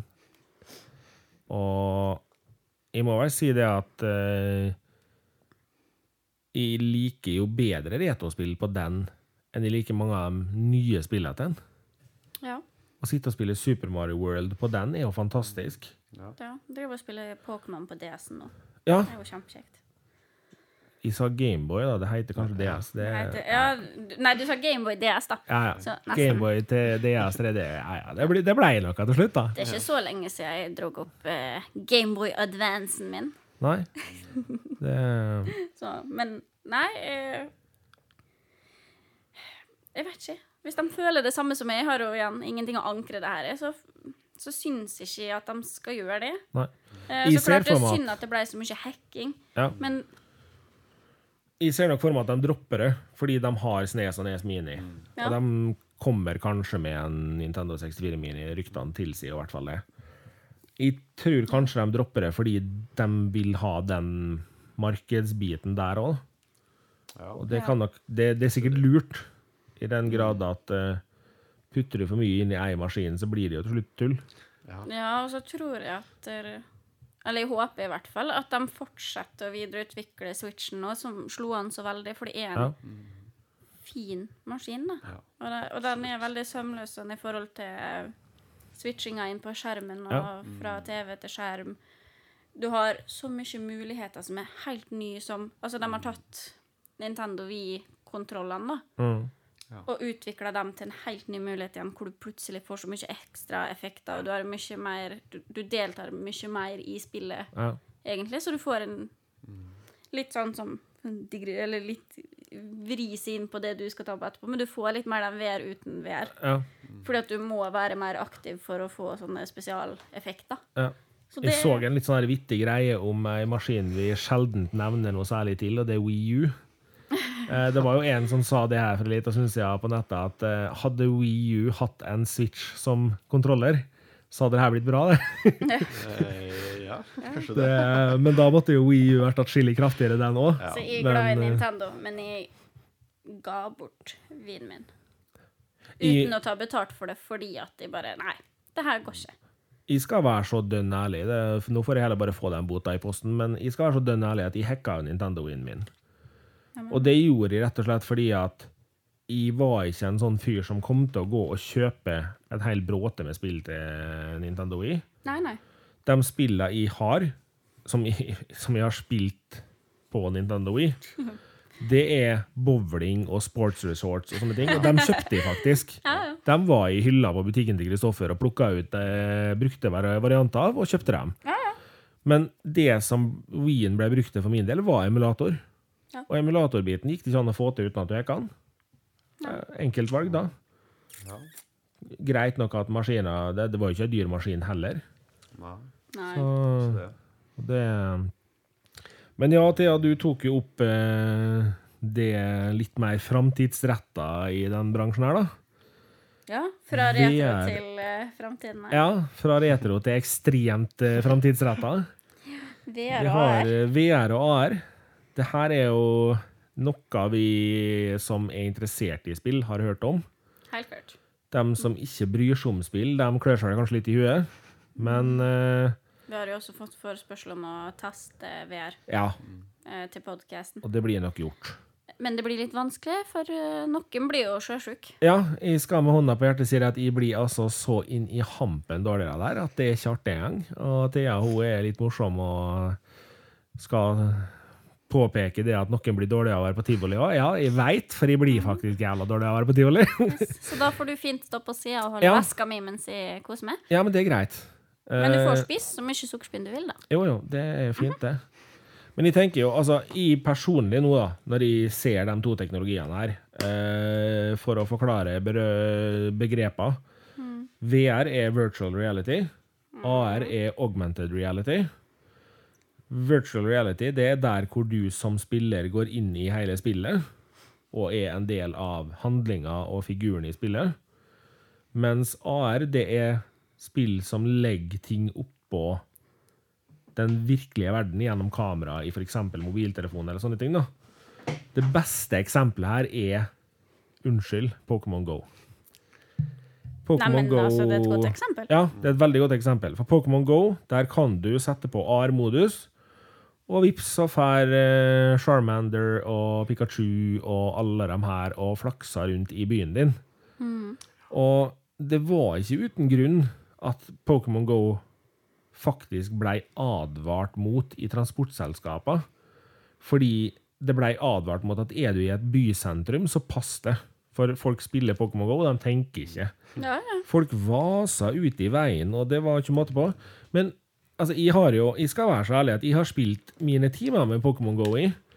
Og det er rett og slett fordi at jeg syns den der varianten av et spill hvor du må ta deg en tur ut Du, vet ikke, jeg syns det var et kjempeflott initiativ. Nå har jeg jo ikke spilt noe særlig Pokémon Go sjøl. Jeg hadde Nei. det aldri sjøl, men jeg har vært med mine småsøsken på mange Pokémon-jakt. Dit, når, dit hen at de ikke fikk lov til å gå sjøl, så var det liksom Thea, kan du være med bort hit, for vi skal jakte Pokémon? Syns det var et godt initiativ, altså. Ja. Det, var, det var faktisk superlurt. De tok et skikkelig slag for det med inaktiv gaming, da. Ja. For det er jo ikke til å legge under en stol at vi blir litt stillesittende innimellom. Nei, det Og jeg er jo nysgjerrig på om begge de teknologiene her er noe vi kan se mer av i spillene framover. Personlig så tror jeg vel kanskje AR er det som har størst sjanse til å bli synlig først. For VR er jeg stygt redd for at det blir dyrt ei stund. Ja. Ja. Um, jeg er litt usikker sjøl. Jeg, jeg har alltid trodd at det, er liksom, at det er VR som kommer til å, å ta av først. Ja. Ehm, for den er, den er liksom godt på vei, på en måte. Den har begynt å komme. AR-en Altså hvis- få det uh, få, få det inn i på en måte Jeg føler jo egentlig kanskje, bare for å avbryte, at VR er mer i dagligtalen enn AR nå. Ja, det vil, det vil jeg si. Ja. Eh, at det er mer i omtale, ja. Så, og det å få eh, ta sånn AR-kvalitet på eh, Få det inn i eh, PS4, da, på en måte. Sånn type grafikk og, og spill, og sånn som VR har gjort nå. Ja. Um, så jeg tror det er litt lengre frem i tid, tror jeg, da. Ja. Men, men jeg er enig med at uh, jeg personlig tror i hvert fall at det er det som vil uh, være mest suksess av dem to. Ja. I hvert fall per i dag, så tenker jeg det. Ja. Ut ifra det jeg kan og har sett av dem, da. Mm. Uh, for for, for det, det er som du sier, at uh, VR er, er fortsatt eh, eh, ganske eller, dyrt i dag. Ja. Mm. og det er, det er på en måte ganske ferskt for, eh, veldig, for veldig mange. Men, eh, men, med, som, eh, som all eh, ny teknologi, etter hvert som tida går, så vil jo prisene gå nedover. Det vil de. Og jeg tror når, når tida får gått, så vil det VR komme til en overkommelig pris for flere. Jeg tror flere vil, vil prøve det og, og få sansen for det, tror jeg. Og nå har ikke jeg personlig eh, så syns ikke jeg noe særlig om VR per i dag. Jeg har, eh, jeg har prøvd det, eh, og jeg har sett mye på det hos, eh, hos en kompis som har det. Eh, og det er veldig få spill som jeg syns er veldig artig. Ja. Det er veldig mange spill som går på det at du skal bare snu det, eller du skal løfte opp hendene og late som du skyter den figuren som popper opp, eller ditt og datt. Ja. Mm. det er ett spill da som de har fått det til bra på eh, i dag, og det er Resident Evil. Ja. Der, eh, har de fått det til så bra at du føler faktisk som du er inne i det huset. Eh, og du ser det rundt, og du ser, du ser på kun veggene, og, og, og se noe komme imot det der, er, er noe helt annet. Altså, For jeg tenker en, det er det nivået de må legge seg på hvis det, Det det. hvis det skal være verdt å betale de pengene for det. Det det. Så må det ligge der. Det meste jeg har prøvd av VR, er jo barnespill. Og ja, det er kult, Mm. men det er kult i en liten halvtime. Ja, ikke sant. Og så er det sånn Ja, men Ja. nå er jeg lei. Mm. Eh, og for en halvtime med moro, og så kommer det noen nye på besøk, og så er det en halvtime med moro igjen, for så mye penger, mm, da må de legge seg på Resident Evil-nivået sitt. Ja, de må det. Må det. Og, men det tror jeg nok flere vil, vil gjøre etter hvert. da. I hvert Jeg håper i hvert fall det. At det vil Ja, komme ja. sånne storspill til VR som gjør det så, så gjennomført. da. Ja, helt klart. Så tror jeg nok eh, Men jeg tror nok også at ikke så mange kommer til å Altså, for det er jo vanskelig å satse på å lage spill til VR når ikke folk kjøper VR. Ja. Og det er jo der de stanger litt i veggen, føler jeg, siden de har prisa seg så høyt. Så klart, det, er- det er masse teknologi der, da, så de må jo prise seg deretter. Ja. Men igjen Ja. Eh, men nå, nå skal det jo sies at den, den VR-en som er til PlayStation, den er faktisk eh, veldig bra. Eh, selv om det er et tidlig, tidlig stadie da, i, i, i teknologien der, på, også på PlayStation VR. For du får den for 2500. Ja, klart det 2500 er Det er en del penger det å bruke på noe sånt. Og du må jo kjøpe spill kanskje i tillegg. og... Ja, ja, og litt klart. sånne ting. Men, men den er faktisk veldig bra uh, per i dag òg. og Absolutt. det er ikke så Og det finnes dyrere VR der ute, liksom. Ja, Uh, så det er ikke den de er eh, nå vel ligget opp i 6000, Ja, de har vel det også. tror jeg. eh, Enkelte, ja. Ja, det var vel det, noen av dem som er basert mot PC, de lå vel opp mot 10 000 ei stund. Ja, det kan være. Det, Og det det- skjønner jeg at blir for dyrt for folk. ja. Ja. Eh, Og så er det jo viktig å si det her at uh, hvis uh, de som sitter og hører på nå, uh, sitter og gleder seg til at eh, VR-spill skal bli litt sånn som Ready Player One var på kino, så er det et stykke fram i tid. det, det skjer ikke i morgen, det, altså. Nei, det tror ikke. Men det, det- er en veldig spennende utvikling, akkurat det her, da, når, ja, på den veien. Uh, Og nå skal jo nerden i meg trå fram og si det at jeg tror kanskje AR har et helt annet bruksområde enn spill, hvor det vil ta av først. det kan hende. Ja. For jeg tror det at AR vil ta av i mobilverden. Eh, per i dag så ser du ingen som går med Google Glasses, som var et prosjekt for noen år tilbake. Hvor du hadde briller med en liten skjerm oppi hjørnet, som du kunne få AR-informasjon i. Men jeg tror det at hvis AR-briller ser ut som helt vanlige briller, at du klipser på en sak på de vanlige brillene dine, og kan få informasjon i ett brilleglass, så er det her noe som kan bli interessant med tanke på f.eks. da eldre som sliter med å finne veien hjem. Ja. Så kan de si at eh, ja, nå skal jeg hjem, tar opp mobilen, trykker hjem, og så får de pilforklaring i brilleglasset på hvor de skal gå hen. absolutt. Og det her er ikke sånn, jeg sier ikke at det her er nøyaktig sånn jeg tror det blir, men jeg tenker det her kan være en lur måte å gjøre det på. da. I gode baner, ja. Fordi, altså for all del, vi, vi må innse det at uh, enkelte mennesker i verden har andre utfordringer enn Ja. andre. Og jeg tenker, altså som hjelpemiddel så kan det der være kjempebra. Det blir nok ikke supernødvendig for alle å gå rundt med et sett briller der du kan få opp informasjon i brilleglasset. Men eh, Men det kan være greit for eh, Si eh, ekstremt eh, Nå hadde jeg tenkt å si ekstremt trangsynte. Det er ikke det det heter. Uff da. langsynte. Uh, nærsynte, Nærsynte, eller, eller svaksynte, da. Ja. Eh, som kan få forstørra priser i butikken. Opp Ja. på, uten, altså, eller få informasjon via briller, for eksempel. Da. Mm. Eh, Jeg hørte også i en amerikansk podkast som jeg hører en del på, så hørte jeg også at de diskuterte en AR-bit som de holder på å utvikle i dag. Hvor de utvikler seg inn mot legebiten. da. Hvor f.eks. en kirurg kan ha noe informasjon i ene brilleglasset som gjør at hvis han under operasjonen for eksempel, da, har en annen spesialist som skal hjelpe han å se på et spesielt tilfelle, for eksempel, så kan han få opp informasjon direkte i brilleglasset istedenfor å måtte ta av seg hansker og vaske seg på nytt for å snakke med noen. Ah. Og jeg ser nok for meg at sånn kan AR funke veldig godt Ja. når det får litt tid. Ja. Og sånn som du sier, altså ekstremt svaksynte mennesker som f.eks. sliter med priser og sånne ting. Kjempelurt. Veiskilt, altså. Ja. Og for ikke å snakke om det at jeg ser for meg at bilindustrien kommer nok til å hoppe på den bølgen her.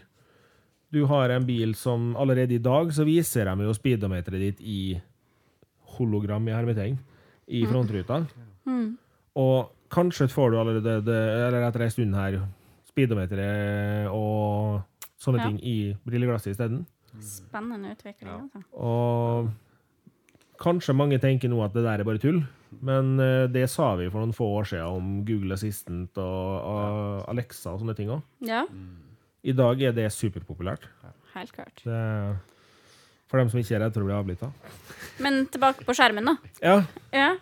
Du skal jo mobbe meg for at jeg blir sjuk av VR, det veit jeg jo. Nei, nå skal jeg ikke mobbe deg mer for det. Nå skal jeg mobbe deg for at du ikke liker split screen-spill. Nei, men det Ja, fyr, fyr løs. Ja.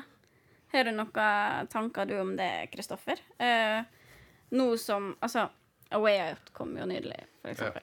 Og det var jo bare Jeg er veldig glad i split screen fordi at det er så sosialt å sitte hjemme og ha andre folk rundt seg og spille sammen med dem. Eh, og A Way Out gjorde det jo utrolig fint. Uh, og det, det var jo bare en fantastisk spillopplevelse. Det eneste som var drittrist, var at det var så kort. Det, var- det var kjempekort. Var ferdig på to dager, liksom. Ja. Og sånn, å ja, ok. Så da spiller vi gjennom en gang til og tar andre valg, da, fordi at valgene du tar i A Way Out, har jo innvirkning på spillet. Ja. Um, er det her noe du tror vi ser framover, eller? For det her er noe jeg vil se framover. Ja, altså, jeg, jeg syns uh, Første gang jeg hørte om A Way Out på ET-messa i fjor, Ja. det var høydepunktet for meg. ja. Det, det, det, det, de, eh, det de forklarte da, og viste oss da, det var liksom åh, ta vil jeg ha mer da. Mm. Ta, ta et- sånne ting, eh, og ha et sånn et, et, Hvor du må samarbeide, liksom. Ja. Og du må liksom sitte ved siden av hverandre. ja. Og Helt For fantastisk. nå er, nå er det, det færre og færre spill hvor det er split screen på. Og liksom, For meg da, liksom oppvokse med split screen. Og jeg synes Ja. det, ja, det er, det er sosialt, du kan, sånn som det er i dag òg, hvor du kan være i, i party liksom, og sitte på hvert deres rom og prate og snakke taktikk og, og spille samme spillet. Mm. Men jeg syns fortsatt det er artigere i samme rom. Helt klart. Altså, samle noen venner og spise ja. potetgull og drikke brus eller øl og Det er ikke lov å spise potetgull mens du spiller. Jo, det går fint. Da må du ha gaffel eller spisepinne. Det går fint. Det, det går fint.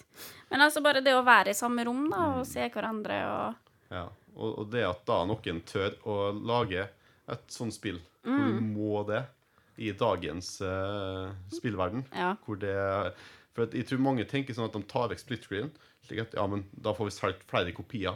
For da Ja. må alle ha hver sitt. Jeg tror kanskje de, jeg, jeg, lurer på, jeg, jeg, tror de har tenkt på sånne ting. Ja, det For kan å få solgt mer av det. For For sånn som så Resident Evil har jo ja, split screen, split screen på enkelte, ikke alle. Ja.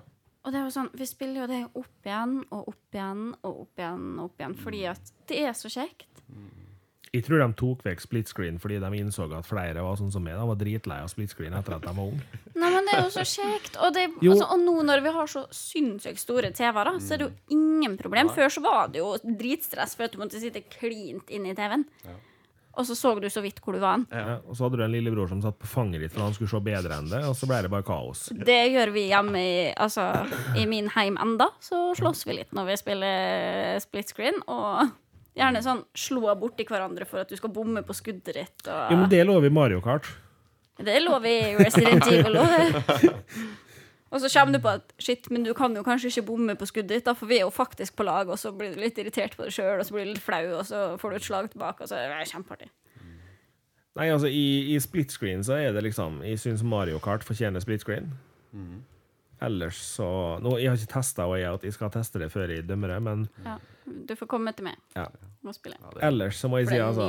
Split screen Det er en fæl greie er ferdig med, altså. Eh, sorry, jeg har spilt for mange timer med bilspill der jeg må se oppe på skjermen og ikke nede på skjermen. og Ah, Nei, men det, det er jo bare så koselig. Og A Way Out er ikke så, sånn split screen som Nei. Eller det er det òg, Det er også, men ikke det- hele tida. De har noe overganger som er så smooth Ja, og så kule. Og vi satt der første gangen vi spilte det, så satt vi jo bare og lo i fryd på stua fordi at det er så smoothe transaksjoner. Nå skal jeg jo si det at jeg har spilt et coop-spill som fungerte utrolig godt når du satt i samme rom og spilte to personer på samme konsoll, som heter Two Brothers. Ja. Fantastisk spill. Har du forresten prøvd å spille det alene? Eh, nei, det har ikke gjort. Skikkelig bedritten spill. Så det, det var et sånt spill som krevde to. Ja. Fordi der, altså der var det to figurer, du skulle gjøre forskjellige oppgaver. Det blei hysterisk vittig. Og altså, jeg syns jo Sony greide det litt i Little Big Planet. Little Big Planet var et hysterisk artig spill. Rayman. Jeg har ikke spilt Rayman. What?! Yes. Da har du jo gått glipp av supermorsomt. Ja, altså, greia er at uh, jeg har vurdert Rayman flere ganger. Og hver gang jeg har vurdert Rayman, så har jeg sittet i den fine PlayStation Store digitale butikken. Mm. Og så har jeg funnet tre andre ting som interesserer meg mer, og så har jeg kjøpt det andre isteden. Hver gang. jeg Ja. yeah. Rayman så- eh, var noe av det første jeg kjøpte til min eh, PlayStation 4 når den kom i hus. Da var det liksom Ja takk, det skal jeg ha, for det er så morsomt. Eh, jeg fikk en bitte liten sak jeg kom på nå, Kristoffer. Um, jeg testa et spill en gang som du var veldig nysgjerrig på om vi kunne prøve. Aha. Som kanskje var det desidert mest bedritne spillet jeg noensinne har brukt tid på. Wow. Som var Tour de France. Sykkelspill. Sykkelspill. Sportsspill generelt er ikke noe Jeg glad vet ikke hva, altså Sportsspill generelt er fantastisk i forhold. Tour de France er altså helt fantastisk søppel. Det var da- Jeg tror kanskje det var der Xbox døde i mine øyne. med Tour de France. Den dagen eh, Martin kom inn på game og, og skulle, skulle fortelle meg om, eh, om det spillet der Eh, se, Nesten så du kunne se det på blikket hans når han kom inn døra. At ah, her, nå, nå er det noe. Nå er det noe. Ja, nå er du misfornøyd. nå skal han fram med slaktekniven og, og slakte noe her. De grader. Yes. Ja, men det, det var- det, var altså, det, det, det var så fascinerende å prøve det, men jeg har jo i ettertid sagt at jeg skal lettere teste Hanna Montana-spillene enn å prøve det der igjen. Men så gikk du hen og så uh, Jeg så Power Rangers. Power Rangers jeg, skal faktisk, jeg skal faktisk lett sette meg ned og se Power Rangers Ninja-stil istedenfor å spille Tour de France igjen. Faktisk. Men sånne spill, det bare styrer så lett unna. Tour de Ja. France, snowboardspill, skateboardspill, Når du sier det, la dere merke til at det kom et nytt skatespill på den der Ja. Det var egentlig derfor jeg kom på at jeg ikke er Og så glad i sånne spill. Vet du, det der så litt kult ut. Det er sikkert et eksklusivspill til Xbox, så det blir ikke spilt. Det jeg syntes var kult, var at det så så fint ut, da. Det gjorde det. Men, men jeg spiller ikke sånne spill. Det, Vi satt og lurte på om det var neste spill i Skate-serien. Ja. Eh, Det var først jeg tenkte, men eh, det, Nei, det var noe Men- helt nytt. Jeg lurer på om Skate-serien er lagt død Ja. offisielt. det Ja. Tror jeg faktisk. kan hende, det også. Ja. Det var Men en bra serie. Det er et spill fra konferansen vi ikke har snakka om ennå. Fyr. Skal du nå inn i det der Life is Strange-universet-spillet? Med han lille gutten som kjemper mot monster? Nei! Nei! For det så jo nydelig ut. Ja, selv det om var veldig er- fint. Men jeg hadde vel en litt sånn Åh, med utropstegn i chatten. Ja. eh, går- ja, det er det vi skal snakke om. Ja, det. ja, det er det vi skal snakke Få. Få det på. Få på. Ja. Veit du hva vi snakker om, Nei. Martin? Gjør du ikke? Nei. Blei ikke du like hyped når du så eh, et bitte lite zombiespill? Du vet du hva? Nå, nå skyter jeg meg sjøl i foten. Nå, eh, nå er det to mennesker inne i det rommet her som kommer til å ta livet av meg. Jeg er så lei zombiespill.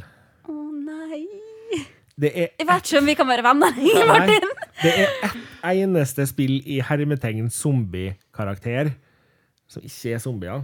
Jeg fortsatt gleder meg til oppfølgeren av. Last of Us. Ja. The Last of Us skal spilles. Det er fordi det er ikke direkte zombier. Men, Men akkurat rene zombiespill men det er jo ikke rent zombiespill. Nye. Det er jo bare zombier på natta. Nye. I Dying Light 2. ja. Men... Hallo? Åh, vet du hva? Eh, da kom det nesten en tåre. Da ble jeg skikkelig rørt. Jeg gleder meg så vilt. Du la merke til at det kom Kingdom of Hearts òg, eller? Hysj! Det er ikke det vi skal snakke om nå. Det er ikke... Nei. Det er greit. Vær gira med meg, Kristoffer. Ja, jeg er gira. Ah. Men, men eh, nå skal jeg være ærlig innrømme at jeg trodde du skulle ta opp et annet spill nå, som er, som er større enn Dying Light 2. Skal vi, er vi på uh, Cyberpunk, da? Det er vi. Ja, men, der kom det nesten en liten tåre, da. Men Der, der var det Det var gåsehud. Oh, det ja. det Altså, jeg skjønner vi, Nei, det, det, var, liten- det var mye hype, da. ja, Jeg var ganske gira. Jeg skjønner, det er veldig mye hype om det, og det er lett å bli litt sånn motstander av det når vi ser mange spill eh, ikke levere sånn som lover. Og Mhm. den diskusjonen vi hadde litt i, i, i natt, med at du tror at det skal skuffe, ja, det kan det, men grunnen til at jeg er så hypa for det, er ikke, er ikke fordi det jeg har sett av det, det er fordi jeg vet hvem som står bak. Jo, Og, Mm. og uh, Witcher 3 det er det desidert beste spillet jeg noen gang har spilt. Og og det er så gjennomført på alle mulige måter, og de som ikke har spilt det, de må bare gå hjem og gjøre det nå.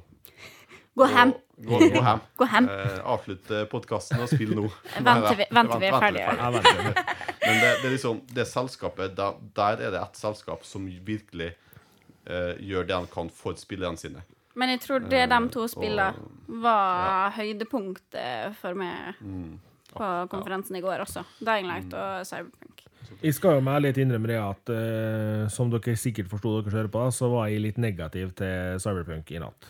Eh, Eh, ja, og det kommer ikke av at jeg tror spillet Altså, jeg tror ikke det at utviklerne av spillet gjør en dårlig jobb. Problemet mitt er at det forrige spillet jeg føler ble like hypa opp som det der, det var Watchdogs. Hvor gira er du på å spille Watchdogs 1 i dag? Du har ikke lyst til å prøve det igjen? men var det like hypa? Jo, Watchdog 1 var hypa. Ja. Det Det var Gud bedre. De snakka jo om det i alle konferansene det ok, året der. Okay. Og kjempegreier. Spillet var sikkert hysterisk bra, det, på planer. Og Bare så sabla synd de ikke gjennomførte det de produserte spillene. Ja. Ja, for det spillet har gått med hus forbi. Elendig bilkjøring, elendig hekkemekanisme, for du var en datahacker som liksom skulle være Ja. superhelt. Alt funka dårlig. Ja. Alt var enkelt og rett fram og patetisk. Men så du teaseren til Cyberpunk? Jo, jeg gjorde det. Eh, Og altså, altså Jeg skal jo være litt rettferdig her. Jeg har enorme forhåpninger til at det spillet der skal bli det det ser ut til. Men de må levere, da. Jo. Det er jo helt klart. For, for, men for all del, blir det spillet der det det ser ut til at det skal være, det kommer til å bli helt fantastisk. Men jeg er så redd for at vi nok en gang har en megahype rundt et spill som dessverre kan finne på å floppe. Jeg håper jeg tar feil. Ja. Jeg håper så inderlig at jeg tar feil. Fordi eh, det der er et spill som fortjener å gjøre det godt. Ja. Og sjøl om det her var vist på Microsoft Xbox-konferanse, folkens, det kommer på PlayStation 4 også. Ja da. Det gjør det. Ikke få panikk. Det gjør det. Ikke spring og Ja kjøp Xbox ennå. Ja, kan du springe og kjøpe Xbox hvis dere vil, da? Jeg må bare, altså, jeg må bare si det nå, altså så ikke lytterne mine fyller innboksen min med diverse her. Men det er ikke det at jeg har enormt mye imot Xbox i den forstand. Jeg syns det er helt ålreit at folk liker Xbox, og jeg forstår det veldig godt. Xbox har laga gode maskiner, de har laga veldig mye ålreite spill. Men for meg så bare har det aldri vært det store. Ja, men det er preferansesak. Ja, altså, jeg har vokst opp med at jeg har hatt PlayStation 1, 2, 3, 4. Jeg har spilt alt som er kommet av PlayStation. Og jeg har hatt Xbox 360, hadde en Xbox 1 òg. Det blei så lite brukt i forhold. Og jeg tror rett og slett det bare Det går nok sikkert bare på det at Sony kom først. Jeg var vant til navnet Sony og PlayStation den Ja, gangen. ja. Rein, rein preferansesak. Ja. Og ta det her så individuelt at det er det, men jeg har ingen verdens ting imot Xbox. Jeg fleipa jo mye med det tidligere. Med at jeg hata Xbox og skulle Ja, men litt må man tulle. Så, men, og det, altså, for all del, altså Xbox greide jo her for noen år siden å få en time exclusive på noe som gjorde lokt i sjela mi. Men tilbake OK, ja, ok, greit. For de Tomb hadde Raider. time exclusive på Tomb Raider. Skal vi grine litt, og så gå videre? Til Ja. Dying Light igjen. To. Ja, kjør på med Dying Light. ut, Ja. Fordi at det som gjør meg så gira med Mm. det spillet, er at de kjører litt det samme kon Eller litt. De kjører på det rene konseptet til A Way Out, som er at alle valg har eh, virkning på hvilken spillopplevelse du får. Vi kan Ja. sitte og spille det samme spillet, og vi spiller to forskjellige spill. Men det eneste jeg begynte å tenke på i går når du så den konferansen Fantastisk konsept og alt sånt. Ja, men de Men- få det til. Men har de gjort det i overkant, kanskje? For når du så hvor mye valg du skulle kunne ta, så er det kan faktisk hende det blir for mye. Ja, det er faren med det at det kan bli øh, for mye, Mm. rett og slett. Eh, det kan bli for avansert. Men Men, klart, hvis de har du- fått balansen på det, Ja. så blir det her helt fantastisk nydelig. Og vi hadde jo, for en stund tilbake, så hadde vi et spill som heter Heavy Rain. Som også hadde en del valg du måtte ta. Uh, der hvor sønnen din var blitt uh, bortført, og du skulle redde sønnen din.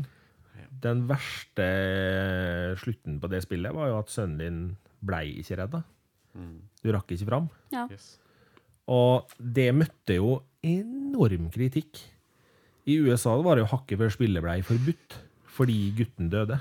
Men det er jo veldig realistisk, da. Det er veldig realistisk. Ja.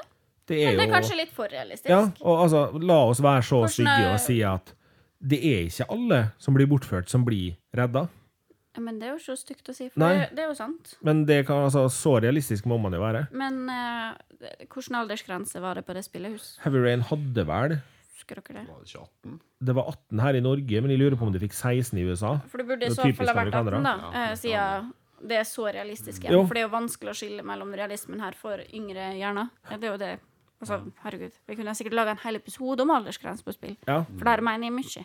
Og jeg skal jo ærlig innrømme at jeg har jo jeg har spilt gjennom Heavy Rain flere ganger. Mm. Og den følelsen du satt med når du spilte Heavy Rain Du hadde jo en klump i halsen. Du var jo litt stressa. Du visste jo at her må vi gjøre ting fort og galt.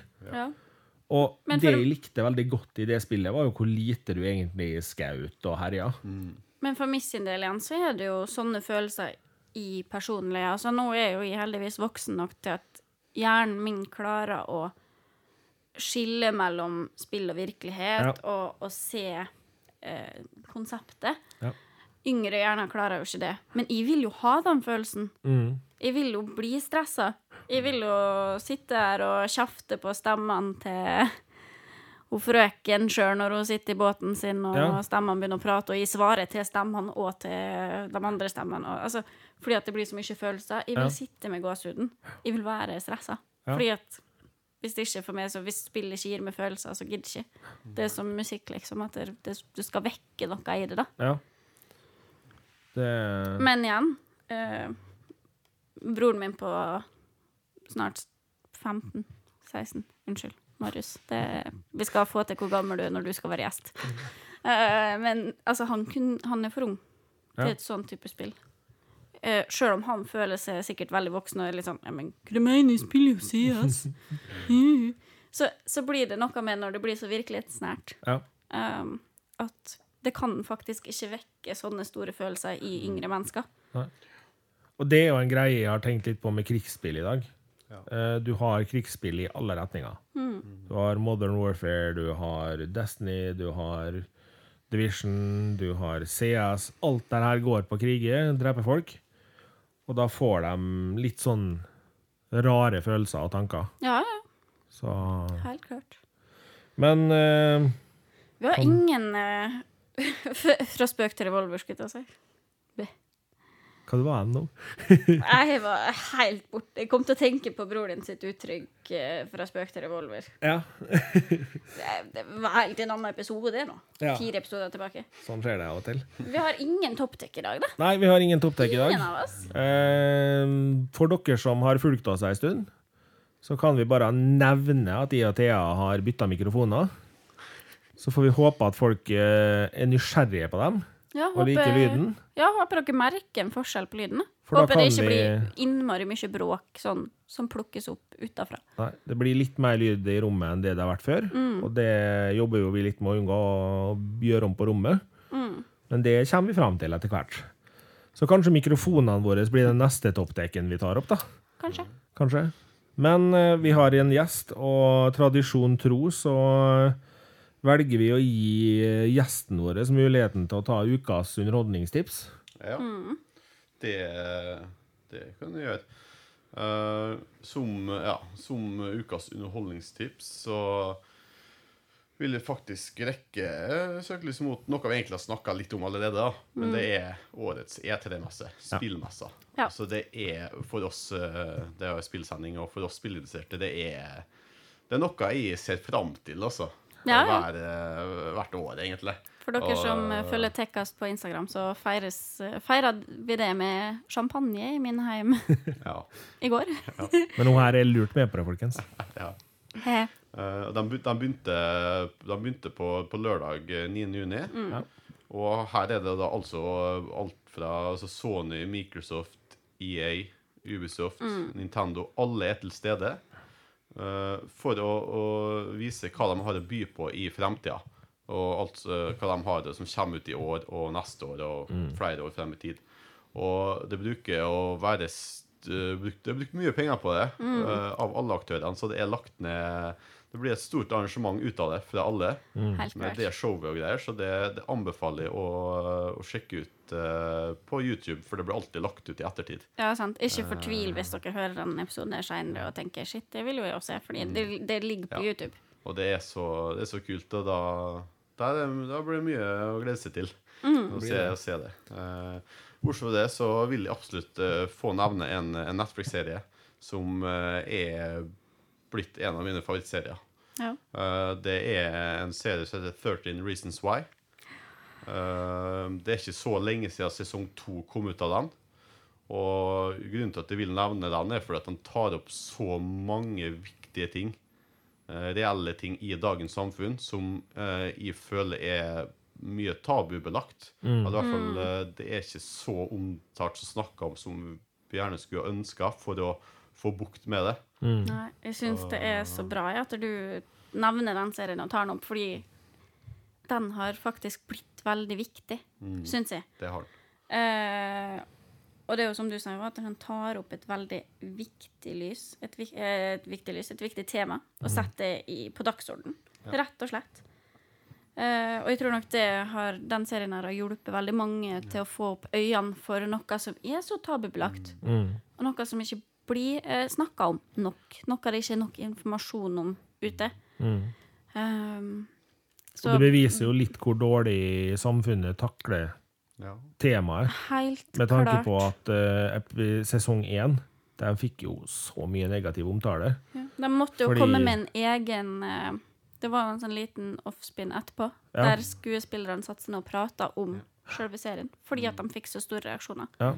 Men Og jeg mener at det beviser jo hvor dårlig vi er å prate om det her. vi er veldig lite opplyst, og det er så viktig. Kjempeviktig. Så det er veldig bra at du tar opp den, altså. Bare eh, la oss sette det på det rene. Hva handler 13 Reasons Why om, Kristoffer? Eh, det, det, handler om, det, det, jo, det handler jo om eh, en gjeng ungdommer som fortsatt går på, på skolen. Jeg vet ikke, Er det ungdomsskolen? Videregående, tror jeg det ble. Ja, det er det. Ja. Som eh, blir eh, utsatt for, eh, for eh, dagligdagse ting. For, egentlig forferdelige ting. Men alt fra mobbing til uh, trakassering til eh, Veldig realistiske situasjoner, da, egentlig. Ja, ja, stalking, Mm. Ja. alt sånne ting. Og, og den handler om ei jente som eh, veldig tidlig finner ut at eh, hun dessverre velger å avslutte livet Mm. på grunn av eh, 13 grunner, da. Ja. Ja. Som vi da får eh, se i 13 episoder av sesong 1. Mm. Og det er, de har virkelig eh, gjort det de kan for å gjøre scenene, eller gjøre ting, eh, forklare ting så ja, Jeg realistisk får som frysninger, mulig. altså. Eh, og det å sette ting så på spissen at uh, sånn er det. Mm. Uh, sånn er det kanskje de unngår å snakke om det. Sånn er det kanskje de skjuler for de skjemmer seg av det. Det, kan, det kan vekke mange varsels... Eller vekke mange sånne varselsignal hos foreldre, kanskje. Ja. Hva de mm. ser, bør se etter. At, at det får dem til å ta seg enda litt mer tid, enda litt mer hensyn, kanskje, for å hjelpe barnet sitt eller andre barn, eller hvem som helst, egentlig.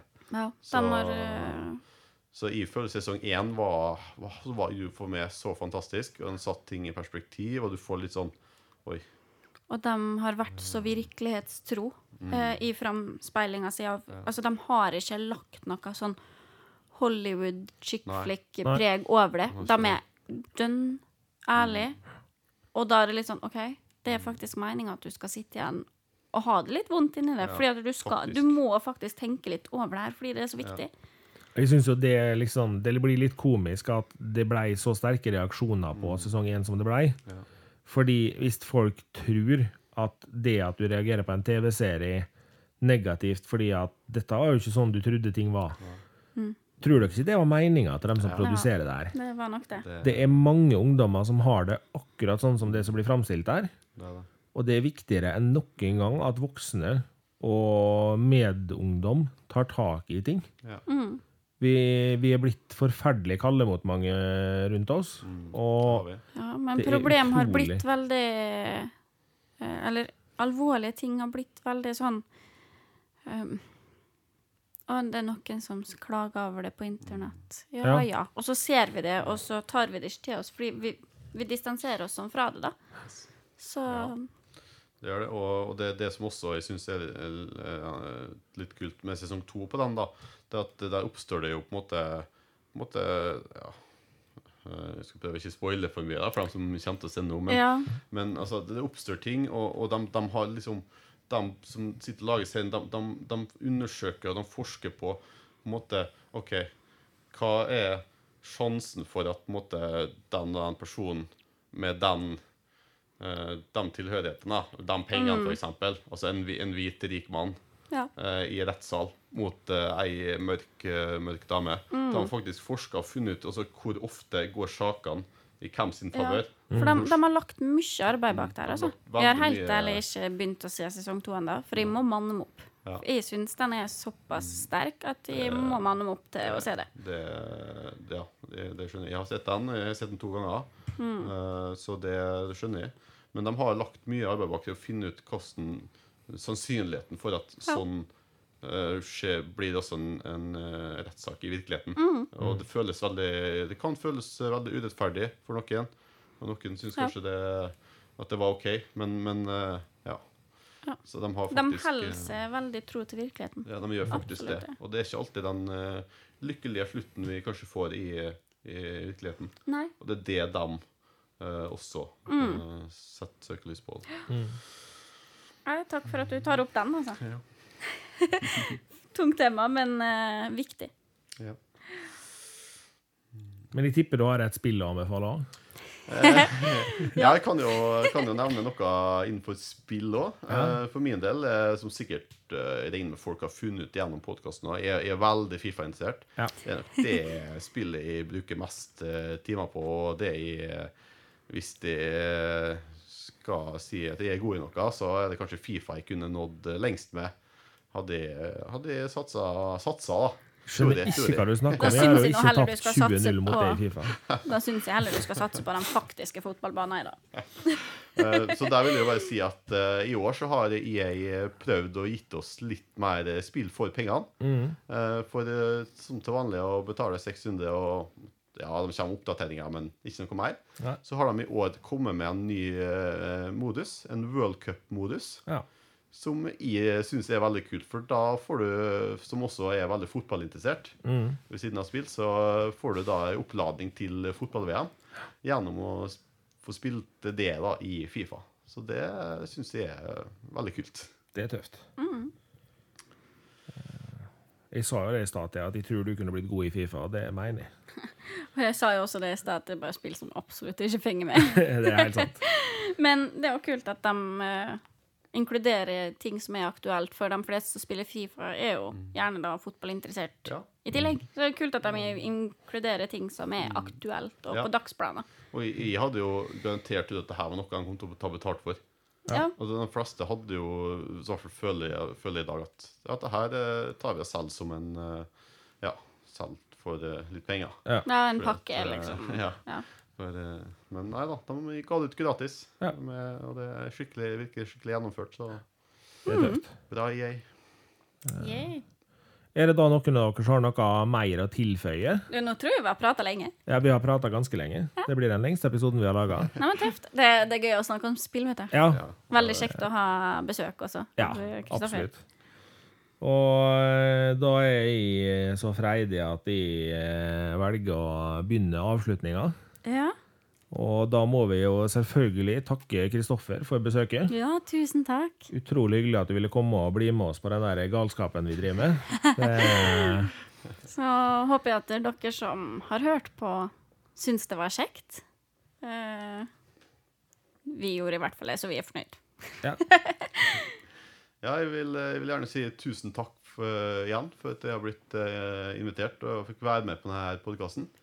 Jeg har likt eh, podkasten fra dag én. Jeg syns den er helt, eh, helt fantastisk. Så dere må bare fortsette med den. ja, vi har ikke Ja. tenkt å gi oss med det første, så Kanskje du må komme tilbake igjen en dag, da. vet Det. Ja. gjør det gjerne. vet du. det, Så bra. Og eh, for dere som kjenner oss, så eh, starter det litt rolig med musikk i bakgrunnen her, og da vil jeg da si at eh, vi minner om at dere finner oss på alle sosiale medier under Tekkas nå. Dere finner oss på www.tekkas.no. Yes. Dere finner oss på i iTunes og Spotify. yes. Husk å gi oss eh, fem stjerner på iTunes. Ja. Jeg heter fortsatt Martin og står for teknologien bak det her. Det er Nikki Incenti som har laga musikken. Undertog eh, Production som har produsert den. Jeg heter Thea og er fortsatt tvingt med på det her. Takk for i dag, folkens. Takk for i dag.